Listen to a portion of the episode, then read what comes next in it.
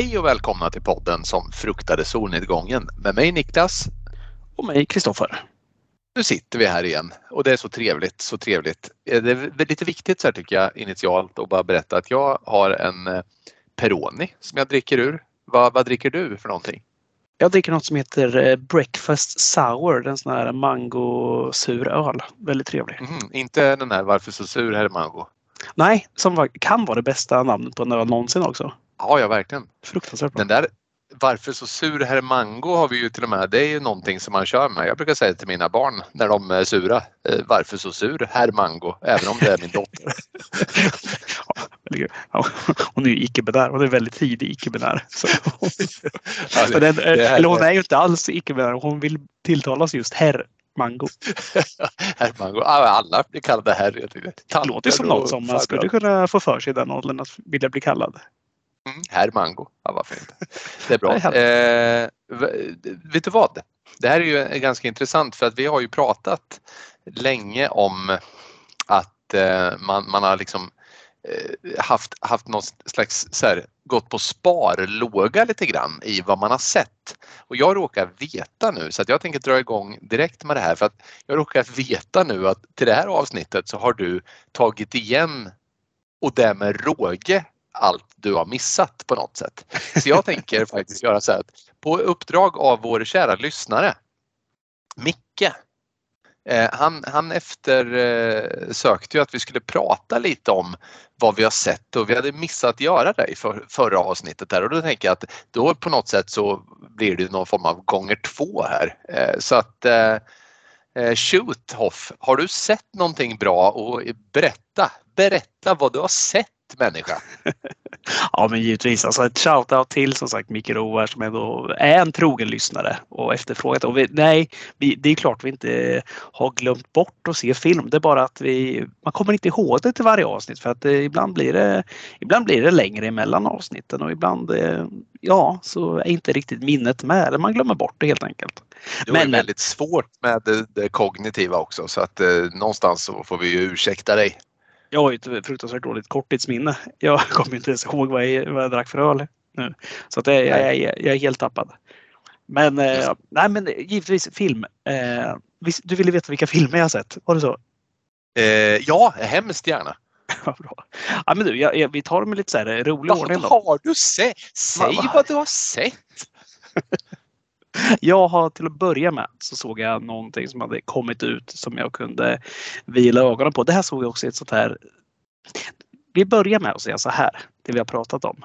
Att man kan inte se de här tunga filmerna, alltså riktigt bra filmer som du vet är Oscars vidare, som du vet är nominerade. Sådana filmer går inte att slå på när du har två timmar över som det är väldigt tajt med tid och du är lite stressad och du måste laga mat samtidigt. Det går inte att slå på en sån film. Du gör den inte rättvisa. Och det där har du och jag pratat om flera gånger. Du vet exakt vad jag menar när jag säger det där. Absolut, verkligen. Ja, så då kollar man i den här mappen som man har. Jag har en sån mapp på datorn där jag lägger alla mina filmer som jag har. Nu ska jag säga det här på ett sätt så att Henrik Pontén inte blir arg utan eh, som jag har lånat. De, de lägger jag i en mapp på datorn. Och eh, där i ligger Clerks 3 av Kevin Smith. Och för alla som inte har sett Clerks så är det en fruktansvärt rolig komedifilmserie som eh, ja, men den, är, den speglar nog väldigt mycket Kevin Smiths egna liv. Om livet i en eh, liten snabbmatsaffär och en videoaffär. Inte just Blockbuster video utan en, en riktig så här, liten obskyr videobutik bara. När sådana fanns. Och det var något med just Clerks 3 som jag var så här. Nej, ska det här verkligen vara bra? Så Kevin Smith han, han har gått. Han har höga toppar med väldigt djupa, djupa, djupa dalar. Men jävlar vad överraskad jag blev. Vad bra den var. Och eh, förbannat sorglig också. Det har jag också nämnt för dig här eh, senast igår tror jag. Men jag, jag fällde en tår till filmen. Det trodde jag aldrig jag skulle säga att jag gjorde till dels en Kevin Smith-film men eh, till just en film i serien Clerks. Väl värd att se för den som tycker om den typen av humor. Jag älskar den. Jag tycker väl någonstans också att är det inte någonting ljuvligt i det faktum att man kan fälla tårar också till sådana filmer som kanske inte primärt är tänkta att fälla tårar till. Alltså att man, det, det slår an en ton i just en själv. Också tecken på att man har den förmågan att leva sig in i filmer på ett sätt som är väldigt rätt svårt i samtiden. Alltså jag tycker det alltid är så saker som pockar på ens uppmärksamhet. Man är alltid känslig för att så här, ja men, eh, attention spanet blir bara kortare och kortare. Är det liksom, man byter, man sappar, man bläddrar, man hoppar, man skuttar. Så, här. så att är det någonstans man kan fastna så är ju det ett betyg gott nog i sig. ja, verkligen. Och vill du veta det absolut bästa var? Det var att jag, jag gick och värmde. Så det här var en mitt på dagen film också. Så jag var ensam hemma och så satte jag mig ute. Jag gick och värmde en matlåda i min, all min tragiska eh, i mitt tragiska liv. Och så satte jag mig ute i vardagsrummet på mitt, mina barn som har ett litet, litet bord. Du vet som är så här, typ, vad kan det vara, 45 centimeter högt eller någonting. Och så har de så små stolar till det. Tänkte jag, men jag, jag, måste bara kolla på någonting. Jag kan inte sitta i soffan och sätta mig på den här stolen. Jag sitter som en dvärg, alltså så lågt sitter jag. Och där blev jag sittandes i nästan två timmar till den här filmen och satt och bölade. Det måste ju sett horribelt ut för om någon hade filmat med. ja, det var ungefär som att du hade varit på någon föräldramöte och suttit i en för liten stol och tittat på någon så här, du vet, overheadbild på allas teckningar och skjutit. Ja, verkligen, verkligen. Ja, vi, vi lämnar Clerks 3 där.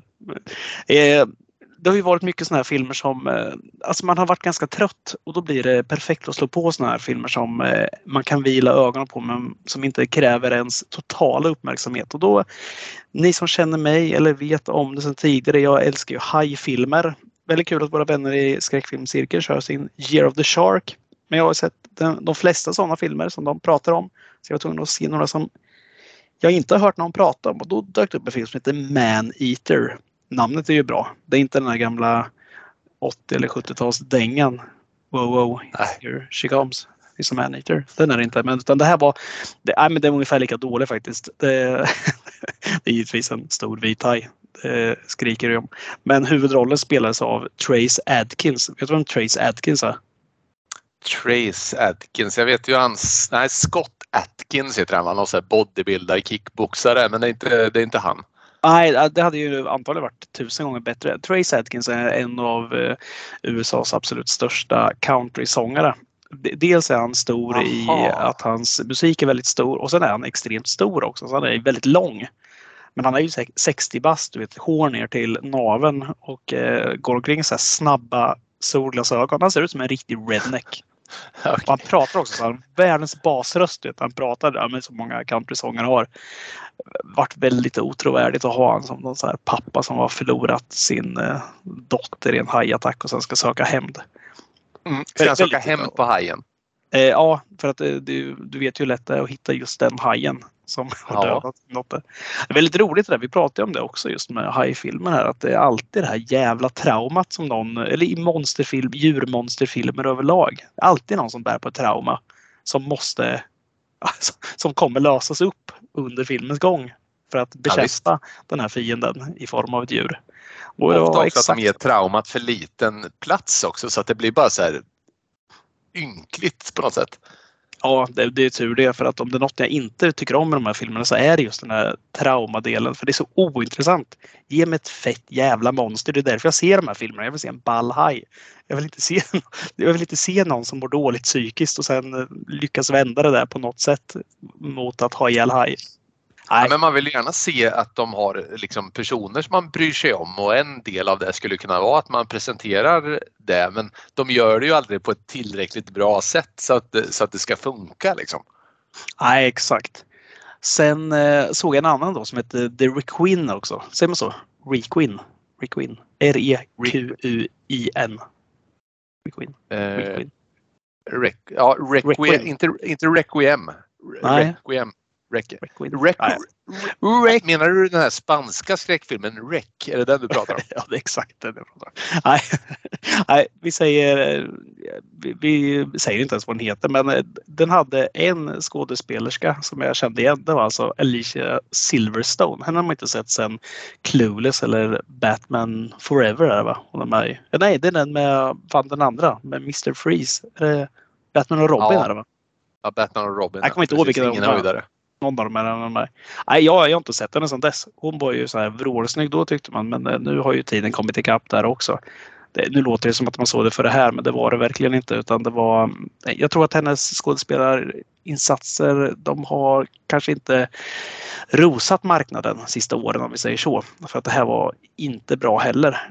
Otroligt nog, vet du vad hon hade varit med om i filmen? Nej. Ett trauma, hade förlorat ett barn vid födseln. Det var ju tråkigt. Ah. Sitter jag och skrattar ja. som att det var något kul. Det är det absolut inte, men eh, det var bara att eh, teorin håller fortfarande. Så att man kunde Ja. slänga in den här också. Den här filmen var extremt dålig. Det var, alltså, den hade en snyggare haj, men hela premissen var att hon och hennes kar eh, bearbetar det här traumat då, och, och åker till Vietnam och sätter sig i en sån här liten bungalow vet, som ligger ute på någon sån här eh, bryggor.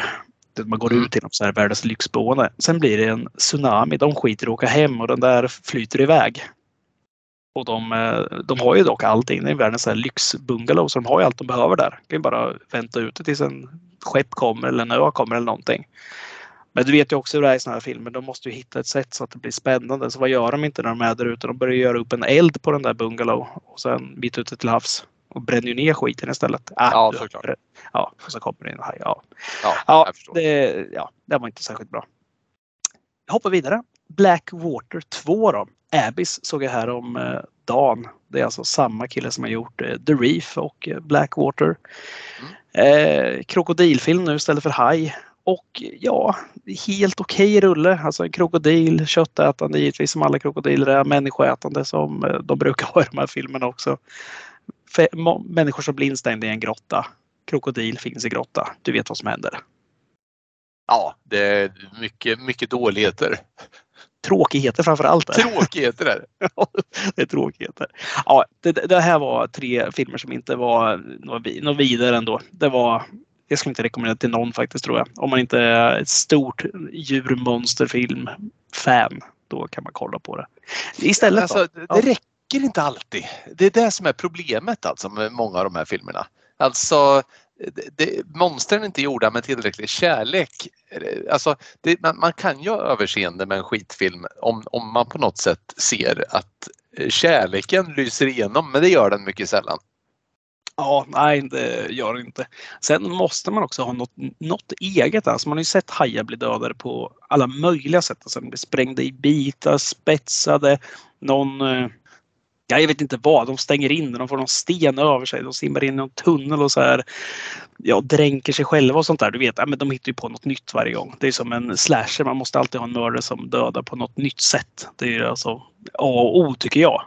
Visst. Men i den här Man-Eater, då står alltså den här countrysångaren med ett hagel, en hagelbrakare uppe på sin så här jolle typ. Alltså han har en jolle när han ska ut och jaga haj. Det är så otroligt dumt.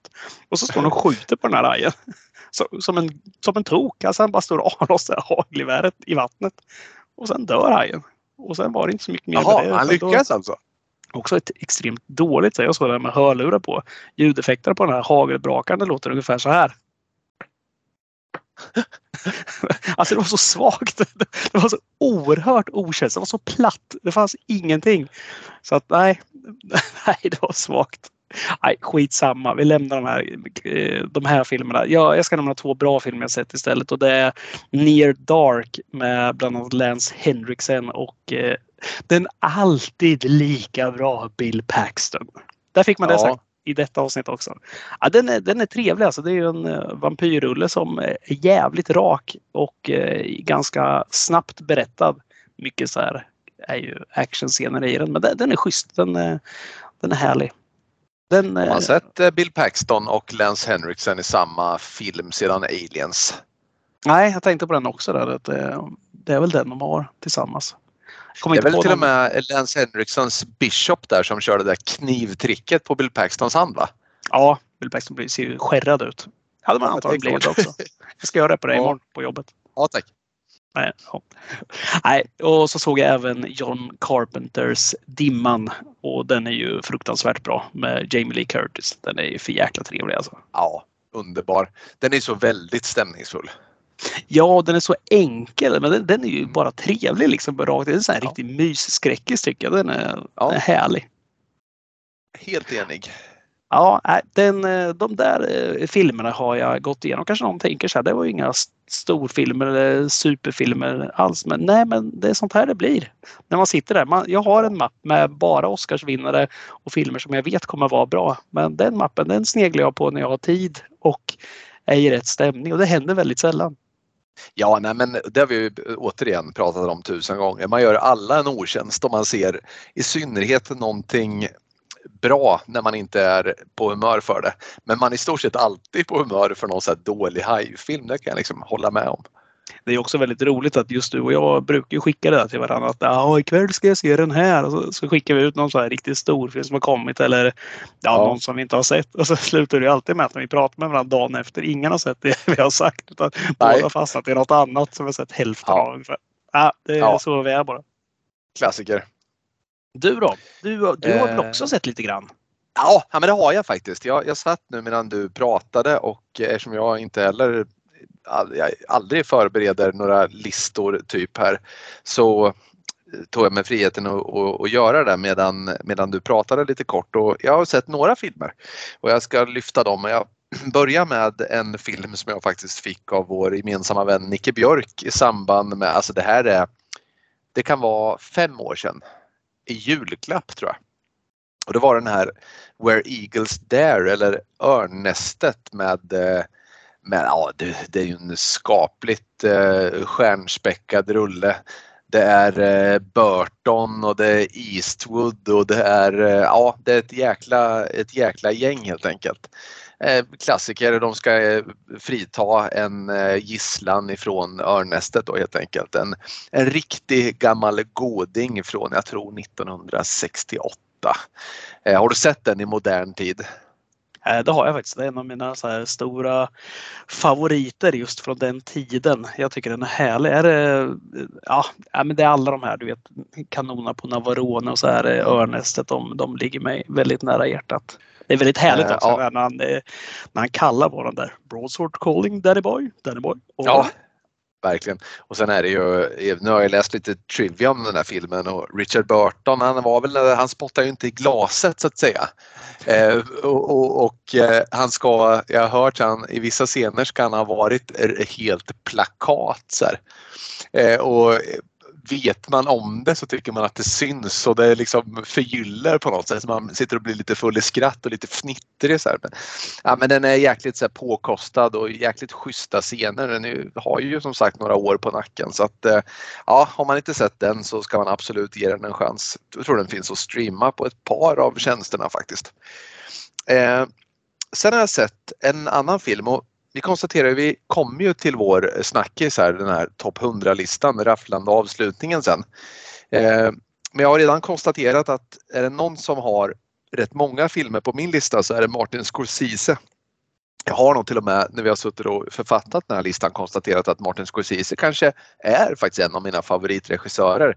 Kanske aldrig att jag liksom håller någon av hans filmer som det bästa jag sett. Men det är väldigt många som är fyra av fem. Alltså oerhört många fyror eh, bland Martin Scorseses filmer. Ytterligare en fyra visade sig vara hans lite mer, ska vi säga, undan, eh, skymundan film The Silence. Och The Silence vill jag se dels för att Adam Driver är med, han är en av mina nya favoritskådisar. Men så är det också han Andrew Garfield, han var alltså han som spelade eh, Spiderman efter Tobey Maguire, han som gjorde, han gjorde två filmer. En när han möter den här Toad eh, och en när han möter den här Electro, när Jamie Foxx är Electro. Och ja, men han är väl helt okej okay som Peter Parker. Han är mer än okej okay som en sån här katolsk präst i 1600-talets Eh, Portugal som reser till Japan för att leta efter den försvunne eh, Liam Neeson tillsammans med Adam Driver. Då. Det är en film med mycket obagligt våld. Det är en ganska långsam film, eh, dock väldigt stämningsfull. Och om man har ett sinne för den här typen av långsam film och inte är så, så kvackelmagad vad gäller att liksom se tortyr och sånt där, så, vilket jag brukar vara. Men i den här filmen så, så funkar det rätt bra och den, eh, den var fin och den var skrämmande och den var bitvis jobbig och inget för alla men eh, där och då funkar den väldigt bra. Så ja, mycket bra film faktiskt. Det är ju precis som vi pratade om där innan, alltså just det här med att man ska känna för att se de här filmerna. Och Scorsese för mm. mig är ju verkligen typexemplet på en regissör jag måste känna för att se. För att det, de är så pass långa ofta hans filmer och långsamma och välgjorda. Men det, det, är ändå, jag måste kunna sätta mig in, alltså jag måste bli ett med hans den berättelsen, det universum han liksom beskriver för att kunna se dem. Jag kan inte bara sätta på den när Nej, som helst. Det är verkligen så. Jag håller helt med dig. Men det är aldrig så att Martin Scorseses filmer är så här svårbegripliga som vissa regissörers filmer kan vara så man måste vara med av den anledningen utan det är snarare för att man ska kunna uppfatta allt. För han har väldigt mycket så detaljer och grejer i sina filmer som, som eh, bidrar till helheten så att för att uppskatta dem fullt ut så måste man vara på tårna för att liksom kunna ta in hela filmen och The Silence är också en sån film. Alltså, man, den är jätteenkel så här, men den är väldigt, väldigt eh, eh, ja, den berättar mycket i det lilla på något sätt. Eh, sen har jag sett, ja, nu, måste jag få kontra med en hajfilm också, för jag har ju sett Reef 2. Vi har pratat om Reef Eh, första Reef i den här podden och landat i att det ändå är en helt okej okay, hajfilm som har sina så att säga eh, tillkortakommanden såklart, men den är ändå helt okej. Okay. Men Reef 2, den är alltså inte helt okej okay. och jag vet ju att du har ju sett den här för det är du, du, du, som har tipsat mig om de här, den här vågen av eh, mediokra hajfilmer som jag har sett på senaste tiden. Det är Sharkbait och det är Great White och det är den här Reef 2. Då. Jag är den första att skriva under på att jag, jag, jag är inte hård i min bedömning på de här filmerna utan jag, jag, liksom, jag accepterar det mesta. Men jag måste få lägga in eh, försvar där också att jag bara tipsat om dem som nya hajfilmer, inte som några mästerverk här. Nej, nej, nej. skjuter med här. Nej, nej, nej, nej, för att de bra hajfilmerna har jag ju redan sett, men de här filmerna har jag inte sett. Men vi, vi förstår ju varandra vad gäller hajfilmerna här för att, för att eh, vi, vi, vi förstår ju att om, den är, om, man, om man säger så här, det här är en dålig hajfilm men jag tycker du ska se den ändå så betyder det att den har sina förtjänster. Men Reef 2, ja, ja, den hade inga förtjänster alls faktiskt. Den var bara tråkig, dum och ful faktiskt och det var, det var synd för att jag hade hoppats på lite mer där men ja, jag, jag, jag, tror att eh, haj-genren kan göra en liten comeback med något som i alla fall är lite bättre där så det, det hoppas vi på. Men du visst fan var det så att eh, hon den här huvudkaraktären i Reef 2 hon hade också något. Det hade ju hänt henne någonting. Hon var ju på någonting där i filmen. Absolut. Hon var ju på ett trauma. Dränkt av sin make och det, fick, det, det, var inget mer med det sen. Jo, i och med att systern, och det är ju tragiskt i sig, det behöver jag inte ens säga, men hennes syster hade blivit dränkt av sin mycket elak eh, eh, make och därför så var hon rädd för vatten och ändå ska hon ut paddla på öppet hav. Så, här, så att, ja, eh, man försöker men det blir bara eh, dumt tyvärr. Hade det inte varit jävligt mycket lättare att bara ha en vanlig person som är ute och paddlar så kommer en haj. Det känns inte som att det där traumat betyder någonting. Nej, man, man, hänger upp sig på en sån där skitgrej men jag blir så jävla trött på de där traumorna. Ja, men det, det, det, man borde göra mer är att det behöver inte vara något trauma utan man skulle bara kunna ha en längre inledning när, man, när någon pratar vanligt som människor gör med varandra. Eh, liksom. Och sen kommer hajen. Det hade ju inte gjort något. Men eh, så arbetar man mycket sällan tyvärr. Ja. Ehm, sen har jag sett eh, på eh, uppdrag av min son då, tillsammans med min, eh, båda mina barn en film av Lasse Hallström som heter A Dog's Purpose. Den här filmen är en Ja men alltså för den som är elak och hjärtlös så är det här en sån här sliskig Lasse Hallström film som eh, Eh, du vet, eh, vältrar sig i, i sockervadd och näsdukar. Eh, den handlar om en, eh, ja, en, en grabb som eh, tar över en hund som är eh, herrelös. Eh, och den här hunden får vara kvar hos familjen och de blir bästa polare. Och så händer det saker och, och den här hunden, jag kan, jag kan inte berätta det här nu så det inte låter fånigt så jag skiter i det och berättar det i alla fall. Den här hunden liksom, det finns en berättarröst, en man som, som berättar lite liksom vad den här hunden tänker. Så här, lite komiskt och lite fint och så här. Eh, och så följer man den här hunden tills den hamnar på sin eh, dödsbädd och sen så eh, väcks den igen så att säga fast i en annan ras så att det liksom, den här hundsjälen går vidare och han pratar som att ah, men det här var ju mycket tråkigare liv än vad jag hade sist och så här. Tills den når en rafflande avslutning så där som är väldigt och jag, jag, eh, jag grät alltså så det kluckade suckade.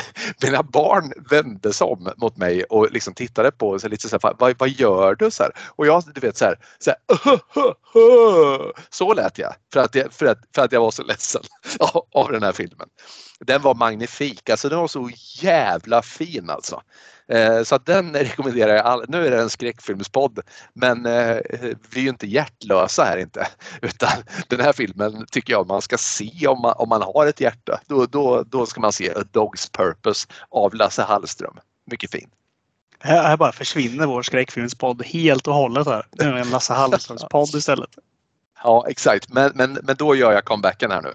För häromdagen såg jag en annan film med mina barn Eh, och nu, nu, får jag ju istället min, min, min, mitt omdöme som förälder ifrågasatt. Men vi såg Hajen. Alltså Steven Spielbergs Hajen. Eh, jag krävde eh, blundning vid eh, det här eh, vrakliket, du vet. Jag krävde blundning när pojken, eh, för att citera Fredrik Rosengren i skräckfilmscirkeln, när blodet står i fontäner eh, av den här lilla pojken på gul luftmadrass. Samt när Quint blir biten i tu på slutet. Eh, det såg de inte. Eh, nu klagar de lite över det eh, förvisso men det, det, det lämnar vi därhän. Men vi enades ändå om att även de tyckte att det var en mycket bra film och det slog mig att Hajen eh, från 1975 av Steven Spielberg med Robert Shaw Ehm, eh, Roy Scheider, Rob, eh, Roy Scheider heter han och sen eh, Dreyfus, Richard Dreyfus är ett, ett jävla mästerverk. Jag slår in öppna dörrar, jag vet. Men den håller lika bra idag som den gjorde Ever. En fantastisk film som var ett nöje att se om igen. Magnifik. Magnifik. Ja, men eh, det har jag avhandlat. Eh, så att eh, ja, då tycker jag att vi går vidare med vår podd. Och nu är det ju så här att vi har närmat oss, nu, nu, nu råkar vi ut för ett så här Eh, Niklas antiklimax förra avsnittet och jag lyckades glömma plats nummer 13 och därmed missade Exorcisten. Så att jag ska vara lite mer på tårna idag när jag läser upp min topp 10 av de bästa filmerna som någonsin har gjorts. Så att eh, vet du vad, som den gentleman jag är så lämnar jag över ordet till dig. Jag vill höra din topp 10 nu över de bästa filmerna som någonsin har gjorts. Eller i alla fall den här kanske redan nu inaktuella listan över de 100 bästa filmerna som har gjorts. Men ändå, jag vill höra. Varsågod.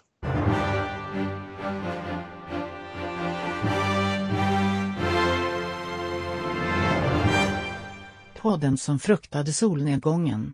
Topp 100 filmer. Vilken ära att få börja och avsluta denna otroligt roliga lista faktiskt. Det, har varit riktigt kul att sitta och gå igenom där och sen försöka inse, eller man inser direkt hur mycket film man har innanför ögongloben. Hur mycket film som har avverkats. Alltså det är fruktansvärt många minuter. Och en topp 100, ja det, det, är bara en bråkdel av det man har sett inser man. Men eh, ja, någon slags rättvisa ska här göras. Så plats nummer 10 då har vi 1976 John G Avildsen och det är ju så här att när Stallone spelar en sån här livsfarlig missförstådd men med hjärtat på rätt ställe då, då går det inte annat än att göra än att älska honom. Alltså, jag gör det och vi har sett han i, så här i Rambo. Vi har sett honom delvis så här i Copland men framförallt så har vi sett honom i mästerverket Rocky från 1976 och det är, han är perfekt i den rollen. Alltså. Han, eh, han kanske är så här i verkligheten, jag vet inte. Men han känns lite svagbegåvad och älskvärd. Jag, jag kan inte komma ifrån det. Nej, alltså Rocky 1 är ju, den var ju med på min topp 100 också, jag har glömt på vilken plats. Så att jag har full förståelse för att man placerar den så här pass högt. Det är en av mina favoritfilmer också och får jag bara, nu ska inte jag ska inte tjata ihjäl din lista, det är inte det, jag måste bara få säga det här. Vet du vilken som är min favoritscen i hela Rocky 1? Nej. Det är alltså när Rocky besöker stadion kvällen innan han ska boxas och eh, pekar upp, Eh, han pratar med, är det någon vaktmästare eller han pratar med någon som är arrangör eller promotorn eller vad det nu är och pekar på sin bild. De har liksom målat en bild då av eh, Rocky och så har de en bild på Apollo Creed och så säger Rocky att det är ju fel eh, färg på mina shorts och han, den andra snubben han säger ja, ja liksom, det spelar ju ingen roll. Så här. Men den scenen har fastnat för jag tycker att den eh, det är där man förstår att, att, att är, han är mästerlig på något sätt, Stallone, mitt i allt detta. För det är den där lilla scenen i det andra, den så här, den här liksom storslagna avslutningen, så här, den där lilla scenen, den är så mänsklig på något sätt. Ja, men jag tror att det är på helt rätt spår vad jag tänker också gör den här mästerlig. Jag, jag ska väl säga att jag tycker inte just att sportscenen, alltså själva boxningsscenen eller fightscenerna är det som gör filmen bra. Visst, de är ju skitsnygga alltså. Det är ju jättebra eh, fixade. När Stallone har verkligen skrivit ner varenda slag hur det ska slås. Liksom. Det är skitsnyggt där. Men allt som det bästa i den här filmen det är ju hela karaktären Rocky. Alltså hela hans Eh, den här hans kärlekshistoria med eh, Adrian är ju så otroligt bra. Alltså allt gör honom så mänsklig och det är det jag älskar med Rocky. Dels att han har den här fyllehunden Pauli där, eller Pauli. Och nej, det, det är det som gör Rocky så speciell.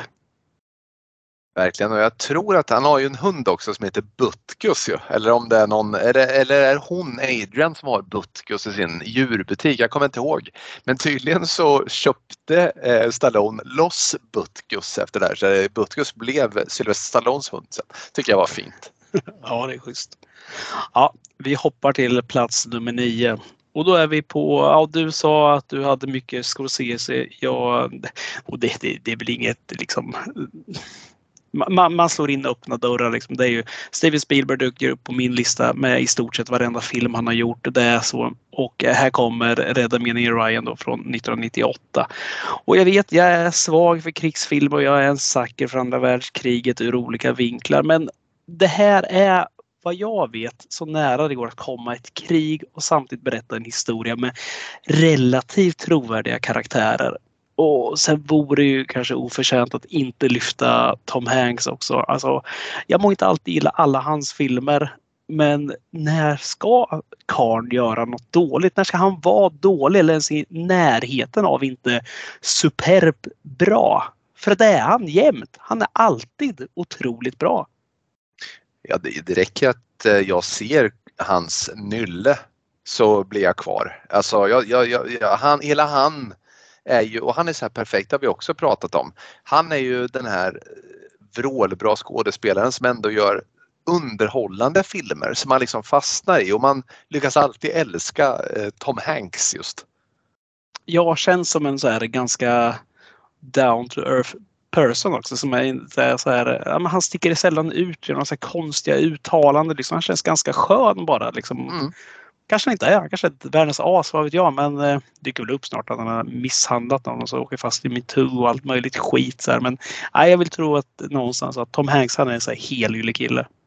Tills jag hör något annat så är han en helylle kille för mig också. Jag läste en intressant, det var någon så här kul trivia om honom.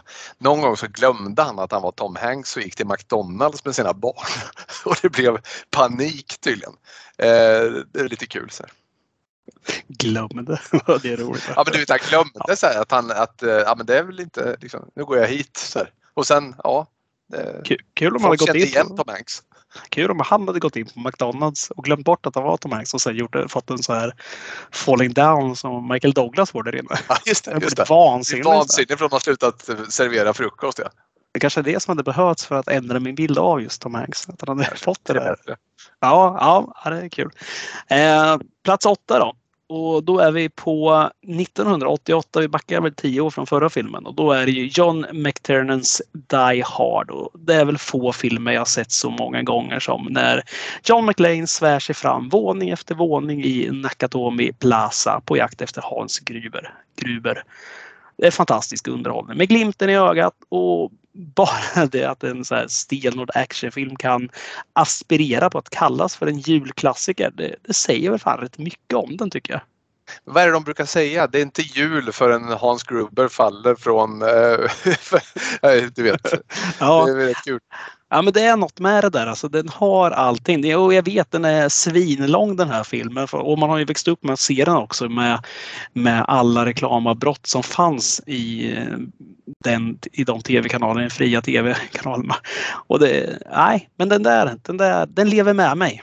Den lever Sen är det ju också, ja, men det är ju såklart det är ju en eh, så odödlig klassiker och Bruce Willis han, nu är det ju, alltså det är väldigt tragiskt allt som har hänt med Bruce Willis och hans sjukdom och så här nu men även om vi backar bandet långt innan det blev så här för honom så tycker jag att han gick över till att bli en så här väsande uttryckslös snubbe som var ganska tråkig. Men här är han ju så jävla så här charmig och underhållande tycker jag. Det var, det var en det var tag i Bruce på den här tiden alltså. Ja, det var det verkligen. När han gjorde den här och när han även hade den här, kommer du ihåg den här tv-serien Par i brott eller Ja. Moonlightning? Den var ju Ja. svinbra. Ju- Och då spelade han ju så jävla charmig och härlig. Man, Mm. man gillade ju liksom Bruce bara. Ja, han var rapp i käften och så här också men han så här frångick det där lite grann sen några år senare. Ja, det gjorde han verkligen. Ja, vi hoppar den. Och här, nu får man ju eh, säga som det är här att eh, nu har en film hamnat lite fel i listan. Men eh, jag kan rätta till det ganska enkelt eh, för att jag sa det till och med när jag placerade ut den förra filmen. Jag satte ju Empire en bit ner på listan, alltså Rymdimperiet slår tillbaka. Eh, och den ska givetvis byta plats med den här. Men jag håller faktiskt Empire högre än Star Wars från 1977. Men A New Hope då, in på plats nummer sju här. Som egentligen ska vara längre ner. Förstår du vad jag menar här? När jag säger Ja, jag förstår, jag förstår. Jag, förstår. jag, jag, jag, jag måste för evigt hålla min listkäft stängd eftersom jag missade plats 13 så jag ska. Ja, nej, men det är ju, det är ju så här. Stjärntvätten, alltså, det finns nog inget jag kan säga om den här filmen som inte redan är sagt av någon annan, av dig eller så vidare. Men så här är det. Om det är en saga som jag redan berättar för mina barn som är ett och två år gamla. När du vet när man har lagt ifrån sig böckerna och de ändå har lite, lite pigghet kvar i sig. Då är det sagan som utspelar sig i en galax långt, långt borta. Det är den som jag alltid kommer till. Och den ser inte alltid likadan ut, men den är där. Premissen är exakt detsamma. Och jag berättar det för dem om och om igen. Till slut kommer de vilja se det här. Det bara är så. Ja, ja, självklart. Och det, det där går i linje med vad jag alltid har sagt. Man måste sälja in de här gamla asen innan man visar dem. Då funkar det. Det är ju också väldigt lite skillnad på att berätta en vanlig. Jag kan ju läsa så här Bumbibjörnar för mi- mina barn och det, sen eh, inser man att det är inte så stor skillnad på att och bara översätta till Star Wars istället. Det är Nej, samma nej, nej. handling. Ja, ja, alltid. Och Nej, inte bara dem. Alla filmer handlar ju om eh, den som inte är den den är tänkt för att vara. Menad för Ja. att vara något större och bla bla bla. Men vad fan, vad ska Ja, göra åt det? Eh, Plats nummer sex då. Och här har vi en sån här då jag tycker uppföljare är bättre också. Och då dyker den upp och det är ju Terminator 2 Judgment Day. Kanske den bästa så här eftertiteln också på en film någonsin. Benhårt Judgment Day. 1991 James Cameron. Och, Du känner till också att han hade, när de gjorde trailern där, eh, då visste man ju inte eh, om han var god eller ond eftersom han var så jävla ond i första filmen. De klippte ju den där trailern lite så att han, så att ja du vet, man visste inte riktigt. Nej men precis. Det här, jag var nog, för den här kom ju 91 och jag är ju sex år gammal där. Så jag, jag kommer inte ihåg när jag såg den. Men jag vet att jag såg nog faktiskt Terminator 2 före jag såg eh, Terminator. Men eh, så det där, eh, jag tänkte nog aldrig på det där med om han var ond eller god. Så det har man Nej. fått lära sig i efterhand. Men nej, oavsett så var det liksom så jävla bra. Så Arnold i toppform. Linda Hamilton, vrålcool och sen Edward Furlong. Hade, ju- han hade ju ännu inte hittat eh, cracket i kakburken där. Och han var ju hur charmig som helst som den här lilla pojken. Och ah, sen alla repliker. Har man, har man brassat av dem några gånger under sin uppväxt där med Hasta la vista baby eller I'll be back. Det finns några att ta på om man säger så. Jag minns en eh, översättning i eh, Ja, jag hade ju den här på VOS då som var bandad, som sagt det här klassiska som vi har pratat om. Eh, och då så när de är på väg och åker till den här morbron eller vad det är till, till eh, Linda Hamilton när de åker ut på någon så här, du vet, den mexikanska vischan typ. Eh, och, och, och, så lär ju John Connor Terminator vad han ska säga och den svenska översättningen blir Spänn av runkpelle. jag tänkte på det också, så här, han säger något så här wanker va? Så här, ja, någonting sånt. Ja, runkpelle, väldigt roligt. det är väldigt kul. Det är ungefär som när äh, äh, JPKA motherfucker är ju i, i Die Hard. Ja. då, då kommer jag ihåg att kanal 9 har Tjosan din jävel. Det är så jävla svagt. det är så sjukt svagt. Oj, oj, oj. Tjosan, alltså det, ja, det är lågt. Ja, det, det, Men det är roligt. Det är också kul. Ja, väldigt kul. Det ja. minns det uppenbarligen. Eh, vi hoppar framåt. Då hoppar vi till nummer fem och då har vi, den har du redan haft, eh, 1979 Ridley Scott Alien. Eh, jag ska inte hålla något längre om den här men den har världens bästa tagline i, i rymden kan ingen höra dig skrika. Det är fantastiskt. Alltså det är, ja, vilken otrolig Herregud. Ja. Magisk. Ja, det är den. Och då kommer man in sen när man, när man skriver en sån här lista. Du vet hur det är. Så man snör in på en film så hoppar man bara vidare så med någon slags röd tråd och då dyker de upp en efter en här. Och eh, då kommer även plats fyra. Går också Ridley Scott eh, i bräschen här och det är 1982 Blade Runner. Och eh, det är som jag sagt innan så Harrison Ford, eh, han var född för att underhålla mig. Så enkelt är det. Och eh, just hela handlingen alltså, med replikanter. Det där passar mig otroligt bra tror jag. Jag tror det passar dig med just för att vi har ju pratat ganska mycket om det i dagarna det här med vi har ju kollegor runt oss och vi har vänner som fascineras mycket över AIns framgångar. Och jag, jag skulle vilja säga att du och jag är så otroligt långt ifrån den här att, eh, alltså att bli eh, vi tycker inte det är så jäkla häftigt som alla andra. Det, eller vi, vi, vi, tycker väl det är häftigt men vi tänker väl inte att det här löser alla världens problem och det blir ganska det tar bort så jäkla mycket av originalitet, liksom, vad som gör oss till människor. Och det där passar så bra in just i Blade Runner. Jag tror det är därför jag älskar den filmen.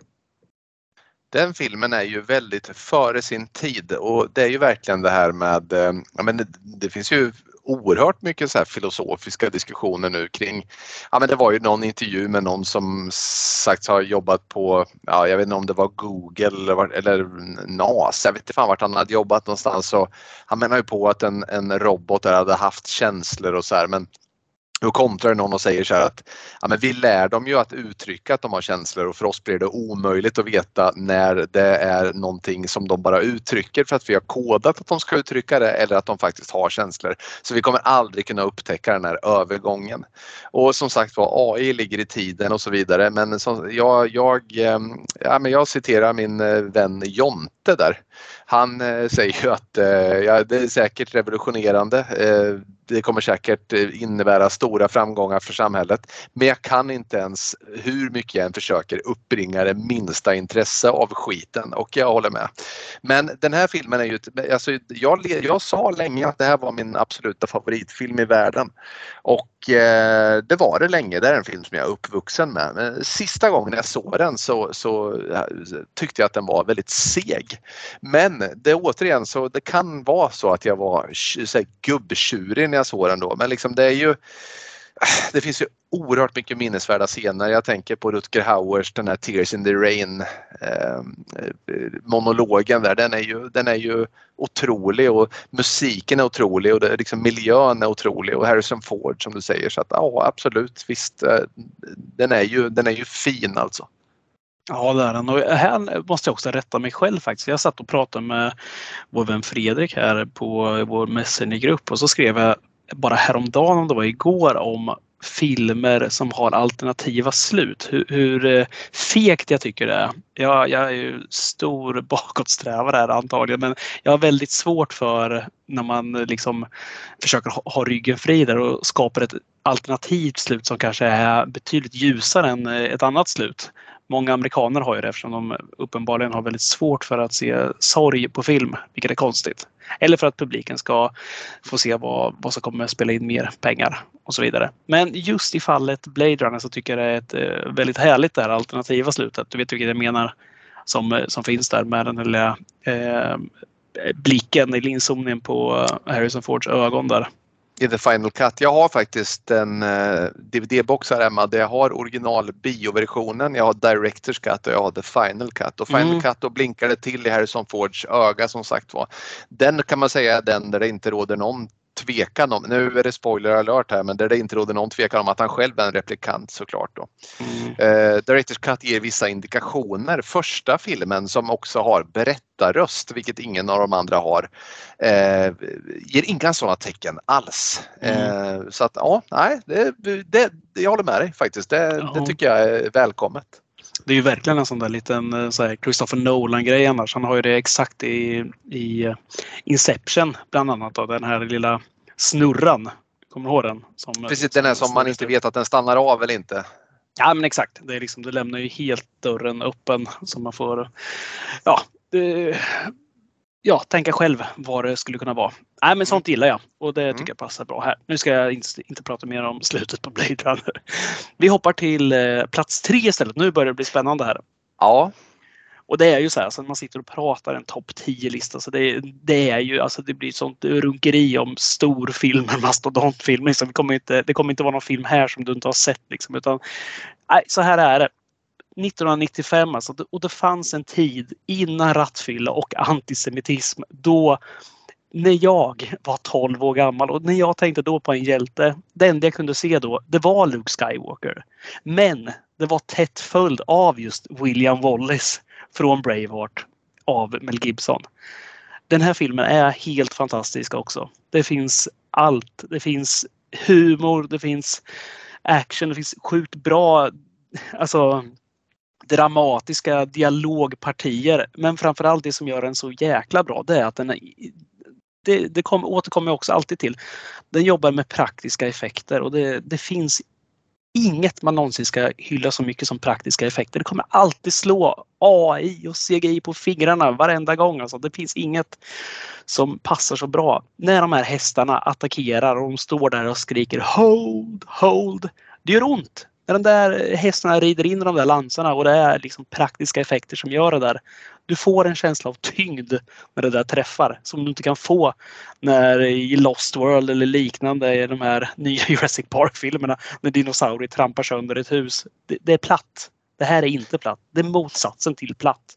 Men verkligen och sen Braveheart satte ju an en helt ny standard också när den kom. Alltså i, liksom i efter svallvågorna ska vi säga av Braveheart så följde ju en rad såna här vad ska vi säga, episka slagfilmer. Det var den här, ja, det, eh, Mel Gibson hade ju en eh, film som hette Patrioten som kom några år efter där jag vet inte, Troja kom och Kingdom of Heaven och det var Gladiator och så här. Men det var ju ingen som kunde mäta sig med Braveheart eh, sen. Nej, den spelar en egen liga det har den alltid gjort tycker jag också. Men mm. eh, det finns ju filmer innan också som är riktigt bra liksom, som, som också har de här praktiska effekterna och som ja. också är riktigt bra. Så som är gamla, Spartacus till exempel. Ja, Ben Hur också ja. riktigt bra. Liksom. Det finns mm. ju mycket sånt. Men nej, men jävlar det var den här eh, och den är så brutal också. Alltså den, ja. har, den spar ju inte på, på blodet eller tarmar eller någonting. Och inte tårarna heller. Den är tårdrypande filmjäveln faktiskt. Mm, det är den verkligen. Jaha, då, då närmar vi oss då.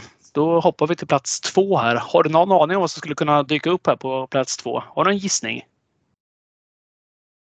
Eh, jag, nu går jag igenom lite så här. Jag vet, jag, jag vet vilken du har som nummer ett. Eh, nej, men jag, eh, jag, utan att vara helt säker på om du har sagt den här filmen, för att det har jag inte färskt i minne nu tyvärr, så chansar jag och eh, säger eh, Har du uh, Har du satt Nej, du har säkert sagt det, men jag säger nyckeln till frihet. ja, den är faktiskt med tidigare. Men ja. eh, nej, det vet vad det är för någonting. Det här, jag säger så här. Ge mig åter ledmotivet och låt mig se den här filmen med mina barnaögon. Alltså så som jag såg den, exakt så som jag såg den första gången jag såg den när jag var åtta år gammal. Ta mig tillbaka till Island Nubar och låt John Hammond hälsa mig välkommen till Jurassic, Jurassic Park. Park. Mm.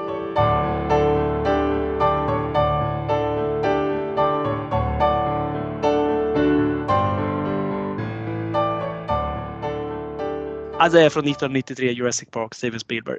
Det är, det kanske är lite för högt upp men det är, det är den film jag har sett som, nej, jag vet inte, alltså som blown me away. Alltså det, för att det var, alltså jag, jag, jag, jag hade sådana fruktansvärda mardrömmar av de här dinosaurierna du vet, när man var så liten. Det, och när man såg den där, det var ju så spännande. Det fanns ju ingen död sekund i filmen. Allt Nej. var bara, man satt där och gapade och bara Ja, Det har liksom nej, aldrig hänt. enig. Ja, det är så, det är Ja, så den är fantastisk film alltså. alltså. Ja, Ja, visst. jävlar. Ja, ja, och, det, och, och, och folk får väl skratta hur mycket de vill. Alltså. Det är faktum kvarstår att den är magnifik. Ja, och eh, jag säger också så här. Ge mig de dinosaurierna vilken dag som helst mot de här nya Lost World, eh, eh, alltså Jurassic World dinosaurierna. Det här är Ja. så. De, de här kommer alltid slå dem också. Det är, och det är inte nostalgi utan det här var bättre. De andra, de har inte någonting på dem. Så är nej, det. nej, helt enig. Helt enig. Ja. Och sen har vi då första filmen och du vet ju lika väl som jag vilken det är där. Och du, du har ju redan nämnt den till och med i avsnittet här, vilket är härligt då. Men nu kommer Spielberg igen där. Vi har ju väldigt mycket Spielberg. Och det blir ju 1975 och det blir Hajen. Det blir Jaws och det är världens bästa film. Alla, i stort sett alla kategorier till och med. Den har allt.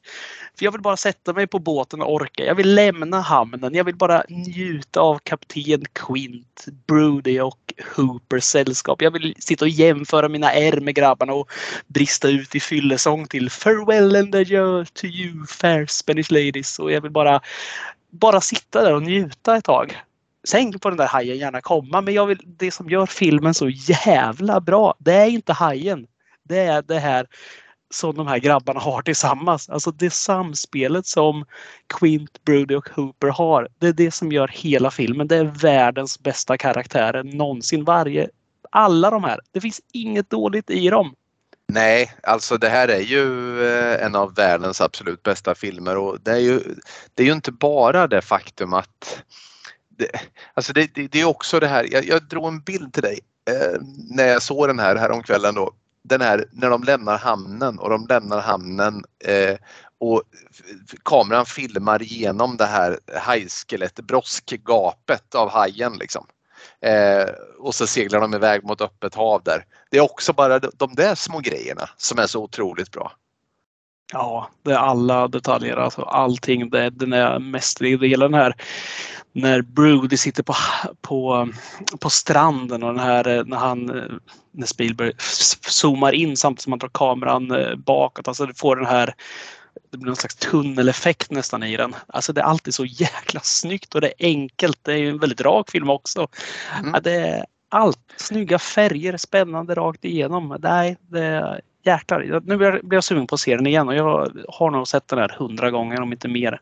Ja, nej, men det är fantastiskt och det var kul. Min son sa faktiskt så här, jag frågade vilken var favoritscenen i filmen och så här. Det är när eh, Hooper kommer upp ur vattnet sa han i slutet och de paddlar mot land. Och ja, så kan man också se det. Då är han nöjd. Ja, Det, det, det sjuka är att den där filmen tror jag fortfarande kan sätta lite hajskräck i många. Så man vill inte gärna ut på djupt vatten eller. Vi får väl se i sommar där om... Får se när vi ska bada i kanalen ja. och Ja, det blir. jäklar. Och du, och du kör... Ja, Då blir det, kan fart bli på, på grabben. Absolut, det tror jag. Ja, ja, det är härligt. Ja, du, jag ska lämna min lista här. Jag, vilken ära det var att få göra den här med dig. Det har varit skitkul faktiskt. Det är Vi, mycket eh, mer sådana här listor. Ja, vi, vi går vidare. Redan i nästa avsnitt så ska vi nästan utlova någon form av ny lista. Ja. Och är det någon Mm. som är intresserad av Niklas eh, lista så finns den på Patreon då. Som man kan... Nej, nej. Ja, just det. Jävla svagt det hade varit. Få betalande tror jag. Otroligt svagt. Du, du har ju otroligt storhetsvansinne också. Lägger dig Ja, under betalvägg. Nej, så, så jävligt ska det inte vara. Nej, det ska det inte vara. Nej, jag ska Men du, dela jag- med mig av min topp 10 nu och jag ska inte sjabbla bort det den här gången. Ehm, plats nummer 10. Robert Zemeckis 1985. Tillbaka till framtiden. Eh, det här är ju en sån här film som jag, jag, jag är faktiskt inte uppvuxen med den här filmen. Jag såg den eh, första gången typ när jag var kanske 20. Det låter helt sjukt men det är sant. Eh, där och då, också då, så kändes det som den bästa film jag hade sett i hela mitt liv. Det sjuka var att jag tyckte att det var så, kändes så konstigt att den höll ihop så bra för att den här typen av film när det är tidsresor och saker som påverkar vartannat i tiden och så här, så, så känns det som liksom givet nästan att det ska vara något skit som, som inte hänger ihop som de har missat. Det finns kanske, vad vet jag, men jag har i varje fall missat det i så fall. Eh, fantastisk musik och sen underbara, älskvärde älskade Michael J Fox. Christopher Lloyd. Eh, det är bara en helt fantastisk feelgood film som innehåller underbara effekter och som bara får en så underbart glad. Jag vet att du har haft den på din lista också. Ja, den är ju helt fantastisk. Och du säger alltså underbara Michael J Fox. Gud vad man saknar honom känner jag alltid. Så här att, eh, vad ledsen jag blir varje gång jag tänker på att han eh, har eh, Parkinson nu. Ganska glad. Ja. Men jag blir alltid väldigt glad när jag ser alla de här reunion-intervjuerna som dyker upp titt som tätt. Mm. det, det är något åratal eller datum så här, som finns att hämta från någon av eh, Tillbaka till framtiden filmerna. Och så sitter han där tillsammans med Christopher Lloyd som, som det låter sjukt, ser inte ut att ha åldrats en dag sen senaste filmen. Nej, han ser ju fan äldre ut i Tillbaka till framtiden. Michael J Fox ser, ser ut och ja, men han, han har åren kommit ifatt liksom. Ja, Christopher Lloyd, nej, det ser exakt likadant ut. Det är likadant ut, ja, det är fantastiskt. Ja, det där galna håret liksom, det, det är roligt. Det var väldigt kul också. Eh, jag sa ju det här med skridskor. Det var lite kul. Jag, avslöjade väl aldrig vad det, vad det var. Jag hade ju på något sätt, på något sätt så har det fastnat i mitt medvetande att Michael J Fox är en jävel på skridskor. Och då var jag tvungen att göra lite research och det visar sig att i ett avsnitt av den gamla eh, eh, sitcom-serien eh, Spin City åker han skridskor och det har gjort så stort intryck till mig så att han för evigt är bättre än både Mario Lemieux och Wayne Gretzky på att åka skridskor. Så att, eh, det, var det kan ju en väldigt svag period där när du såg den här Spin City och du fällde ju en tår kan jag till och med tänka mig. Ja, för att han var så duktig. Mm, ja. är sjukt. Eh, plats nummer nio. James Cameron 1986 Aliens. Och för den uppmärksamma lyssnaren nu så eh, har jag ju redan haft Alien längre ner på min lista. Men på något sätt så har alltid den här uppföljaren slagit lite högre för mig. För jag tycker att den är, den är den här perfekta kombinationen av både lite humor, lite skräck eller jag skulle säga halvmycket skräck, men väldigt mycket action och väldigt mycket coola karaktärer. Och den här jäkla filmen alltså håller jag som en av de absolut bästa filmerna som någonsin har gjorts. Eh, och vi pratade också om den lite förut i Lance Henriksen och Bill Paxton där så att eh, ja, plats nummer nio fick den på min lista. Underbar film. Plats nummer åtta. James Cameron 1991. Ja men Terminator 2. Eh, den letar sig in också på min och även här då uppföljaren går före eh, första filmen och i just Terminator-fallet så är det kanske inte någon så stor grej att låta det göra det även om man även håller första filmen som en, som en riktig vass rulle där så är det här på något sätt den, är en, en, den, var väl, den var väl en lång tid världens dyraste film va, innan den blev omkörd av Waterworld. Waterworld var det var inte Hook utan det var Waterworld som körde om den. Um, inte lika bra film även om jag inte har något emot den heller men Terminator 2, alltså när man även ser den idag så tycker jag effekterna håller rasande eh, bra eh, klass faktiskt. Jag tänker särskilt på den här säkerhetsvakten på sjukhuset som ska ta en kaffe du vet och eh, T1000 kommer upp genom det här eh, golvet det är jävla snyggt. Jag fattar fan inte hur det har gått till, alltså den här filmen som har över 30 år på nacken. Men ja, den är underbar. Du har sagt du säger, allt. Ja, när du säger det, just när han kommer upp i golvet. Kommer du ihåg de här gamla skivorna som fanns som hette Party Zone? Mm, absolut. Visst var de exakt rip-off från det? Mm. Det var ju det här ansiktet som kommer upp i det här schackmönstrade ja. golvet. så exakt så Tänkte ut. alltid på Terminator. Mm, verkligen. Eh, plats nummer sju. Mel Gibson. 1995. I shall tell you about William Wallace. Historians from England will say I am a liar, but history is written by those who have hanged heroes. Ja, du har ju redan sagt allting som vi behöver säga om den här filmen. Men också jag håller den som en av de allra bästa filmerna som någonsin har gjorts. Och den finaste scenen kanske i hela filmhistorien faktiskt när Murron i tidig ålder ger en liten tistel till William Wallace när William Wallace sörjer sin far på hans begravning. Eh, otrolig scen. Ja jävlar alltså, den är stark. Ja, de- den, den sitter man och harklar sig och eh, börjar titta bort. Eh, red, eller även idag faktiskt när man ser. Ja, men den är stark. Hela den här när han hämnas henne också. Du vet den här när han Ja. skär halsen av den här. Alltså det, när han gör det och stirrar honom i ögonen också under tiden. Ja, Det är också så, för då vet man så här.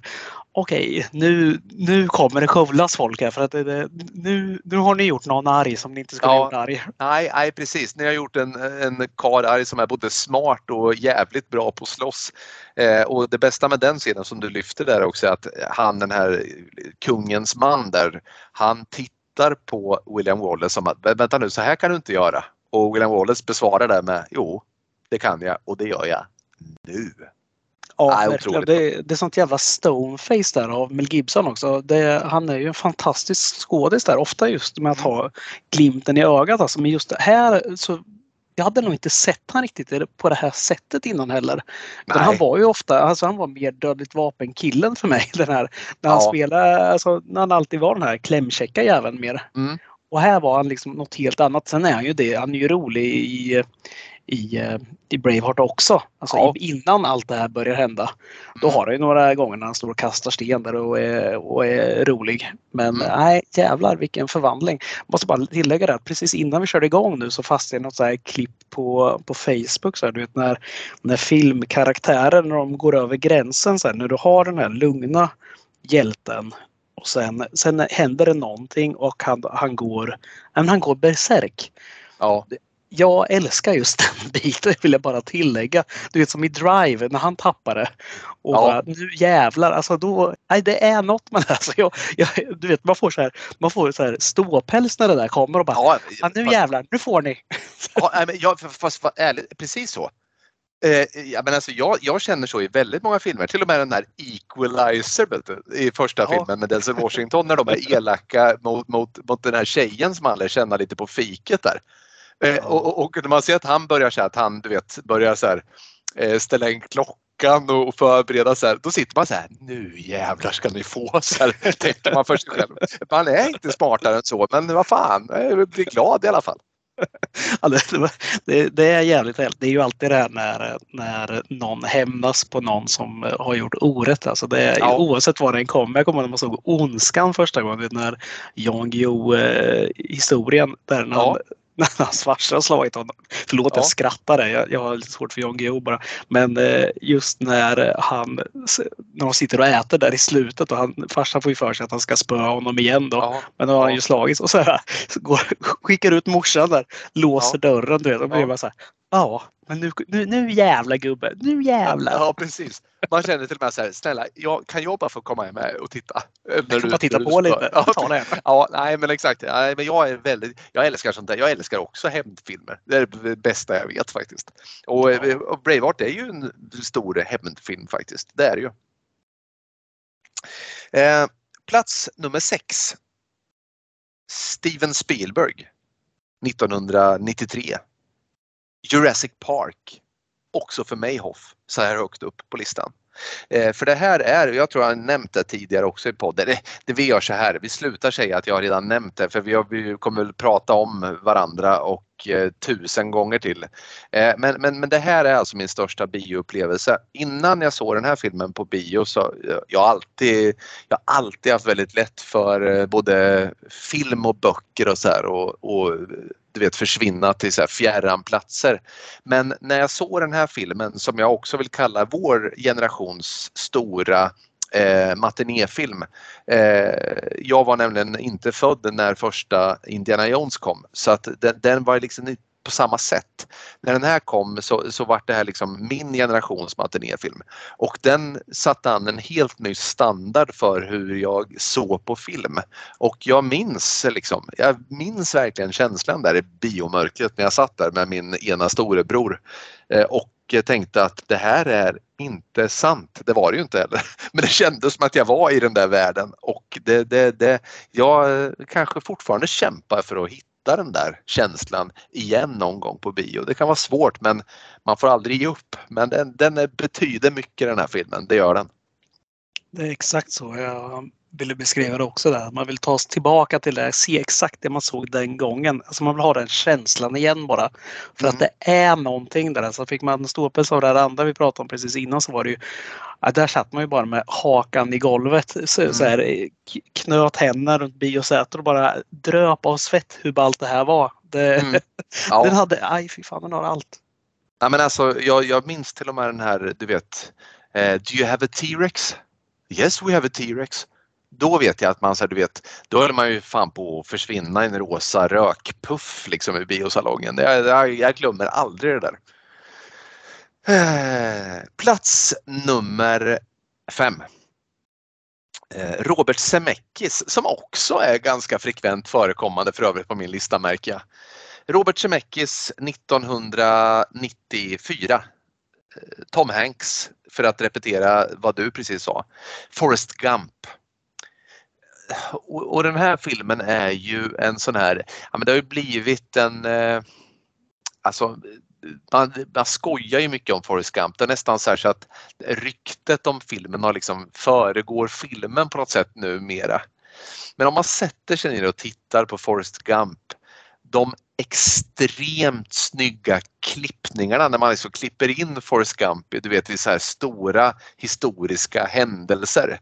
Eh, man tar del av den här ja, men svagbegåvade men ack så eh, hjärtliga och löpstarka filuren Forrest Gump och hans liv från utstött och mobbad eh, eh, unge där växer upp och blir kär i, i Jenny och, och, träffar Babba och krigar i Vietnam. Och ja, ligger bara, den är så otroligt, otroligt eh, vacker den här filmen. Och eh, än idag inte ett öga är torrt och, och ja, men det, är, det är en av mina absolut största favoritfilmer. Och eh, sen vill jag också höja eh, min, eh, mitt glas för Gary Sinise som Lieutenant Dan, en rollprestation som jag faktiskt aldrig riktigt har glömt den är, han, är så, han är så jävla bra i den här filmen och funkar perfekt som kontrast till Forrest Gump. Eh, mycket bra.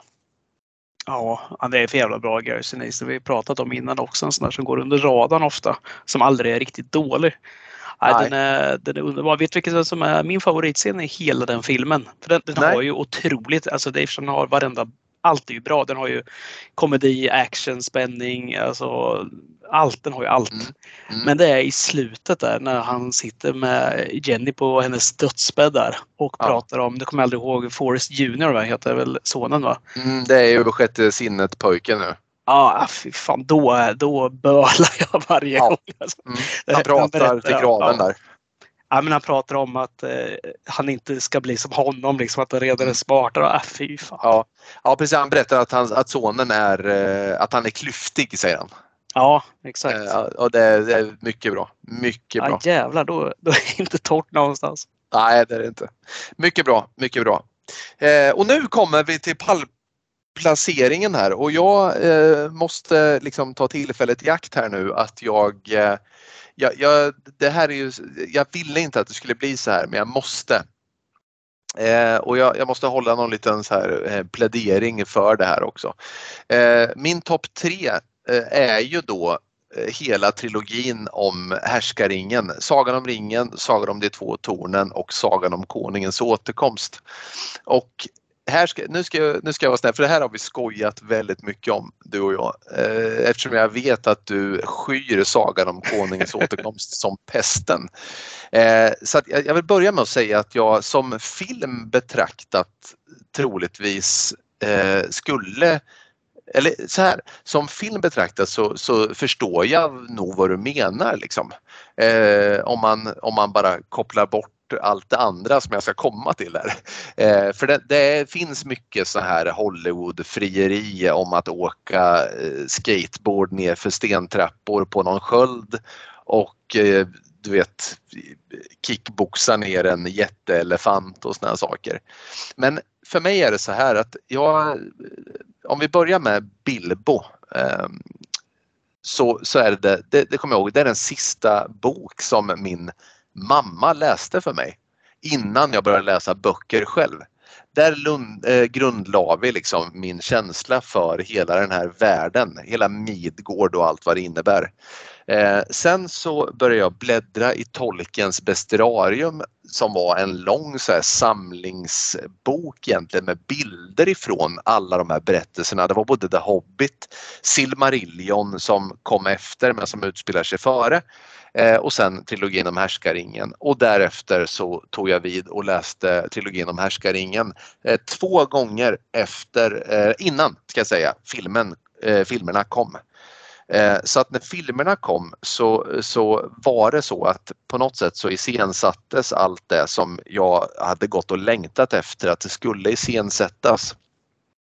Och för mig så blir, ju, blir det lite svårt att liksom hålla isär eh, Eh, det som händer i filmerna och vad som händer i böckerna för att det som händer i böckerna det ligger liksom hela till grund för hela min inställning till Sagan om ringen, hela den världen.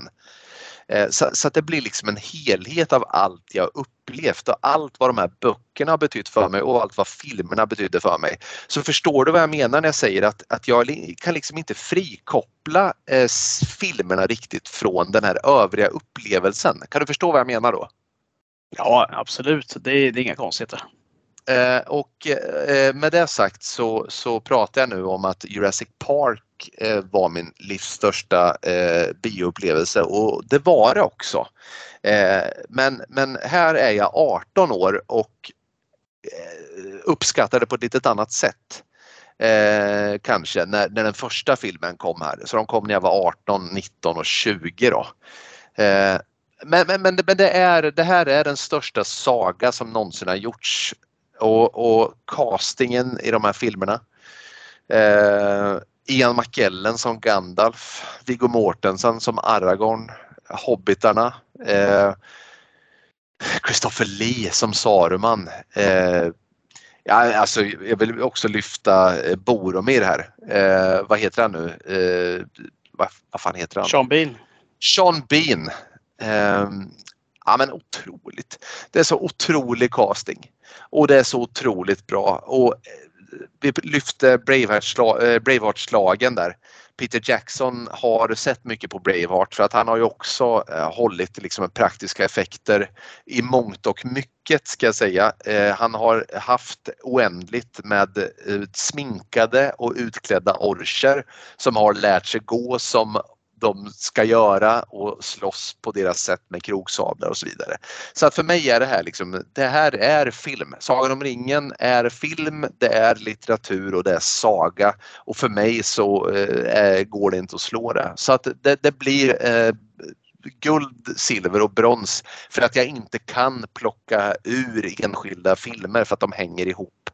Eh, det vart en lång förklaring men eh, det har jag landat i duger ju bättre än något ändå. Det måste man ju få lägga in. Och, eh, jag har ju sagt det också. Alltså jag, jag skojar ju ofta om mitt hat om, om, om konungens återkomst och säger att det bara finns en eh, return och det är Return of the Jedi som alla vet. Men eh, nej, men eh, det mesta jag skojar om eh, det är ju det är mer en rolig grej att skämta om det eftersom jag inte uppskattar det till fullo lika mycket som ni gör eller som du gör. Men eh, nej, men fantastiska filmer, absolut. Jag tror att mycket som förstörde just eh, eh, Sagan om konungen som återkom så att vi såg ju de här i skolan vet jag. Jag gick ju media och då fick vi gå på de här på det var premiären eller dagen efter med klasserna. Då hamnade jag bredvid en, eh, jag tror jag nämnt den i podden tidigare, bredvid min gamla eh, skolkamrat Lennart. Lennart hade alltså köpt två stycken kebabrullar för filmen var ju ändå tre timmar lång. Och det där slet han fram i, ja, i folie.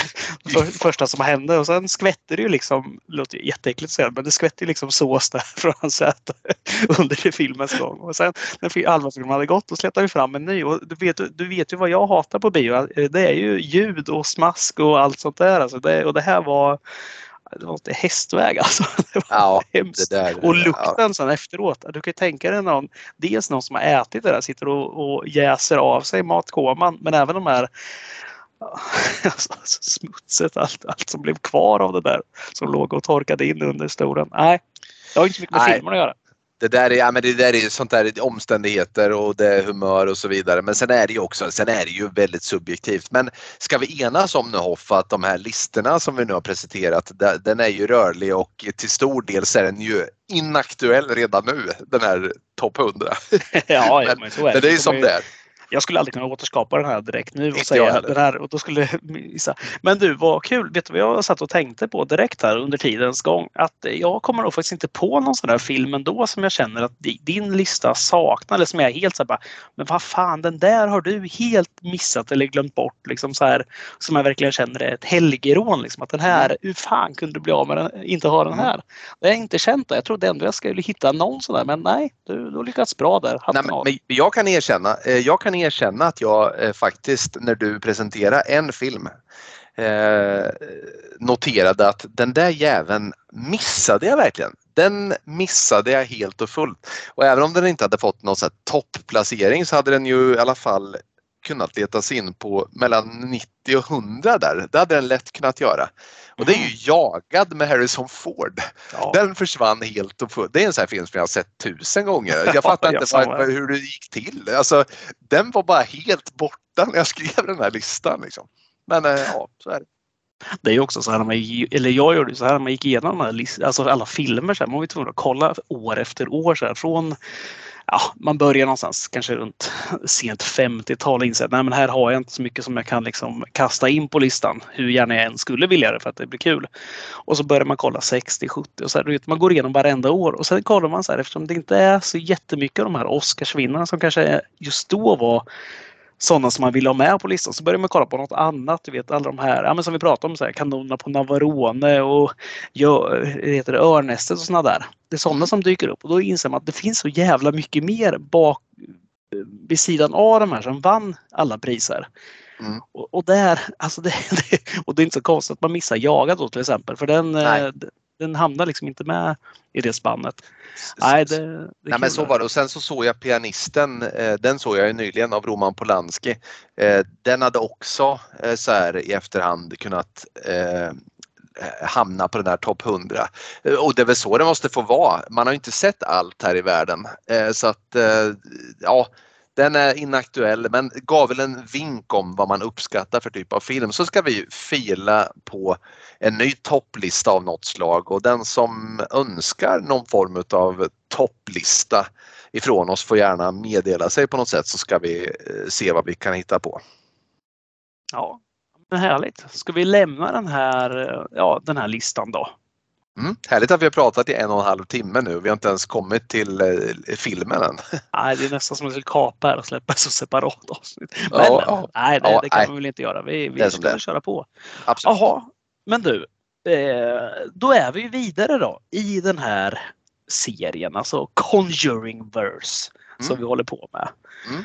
Och det är ju ett antal filmer. Ja, det är det. Eh, vi har väl gått lite vilse på vägen där för det var ju nära, jag såg ju eh, Conjuring 2 för att jag tänkte att eh, så pass långt sträcker sig mitt intellektuell, intellekt att, att jag intellektuellt skulle förstå att om Conjuring kommer först så kommer Conjuring 2 som god tvåa, men det gör den inte för den är ju Annabelle i mitten här så att vi har ju avhandlat den emellan. Men, men, men Conjuring 2 alltså från 2016 och återigen så får vi då följa det här paret Ed och eh, Lorraine Warren eh, som ska rädda en familj ifrån hiskligheter. Eh, och vi, vi har väl pratat lite om James Vann och vi har pratat om Patrick Wilson och, och deras eh, eh, rollbesättning i övrigt här. Men ska vi göra så att vi kastar oss rakt in i film nummer två och eh, får till en liten, liten plott här?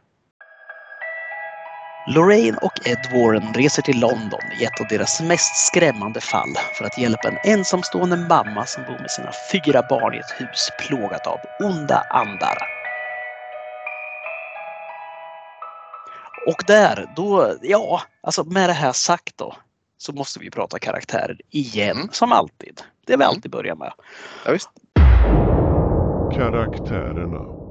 Lorraine, Ed Warren, vi har ju redan pratat om dem en gång. Det är väl värt att lyfta lite kort, få en liten Ja. resumé på dem kanske.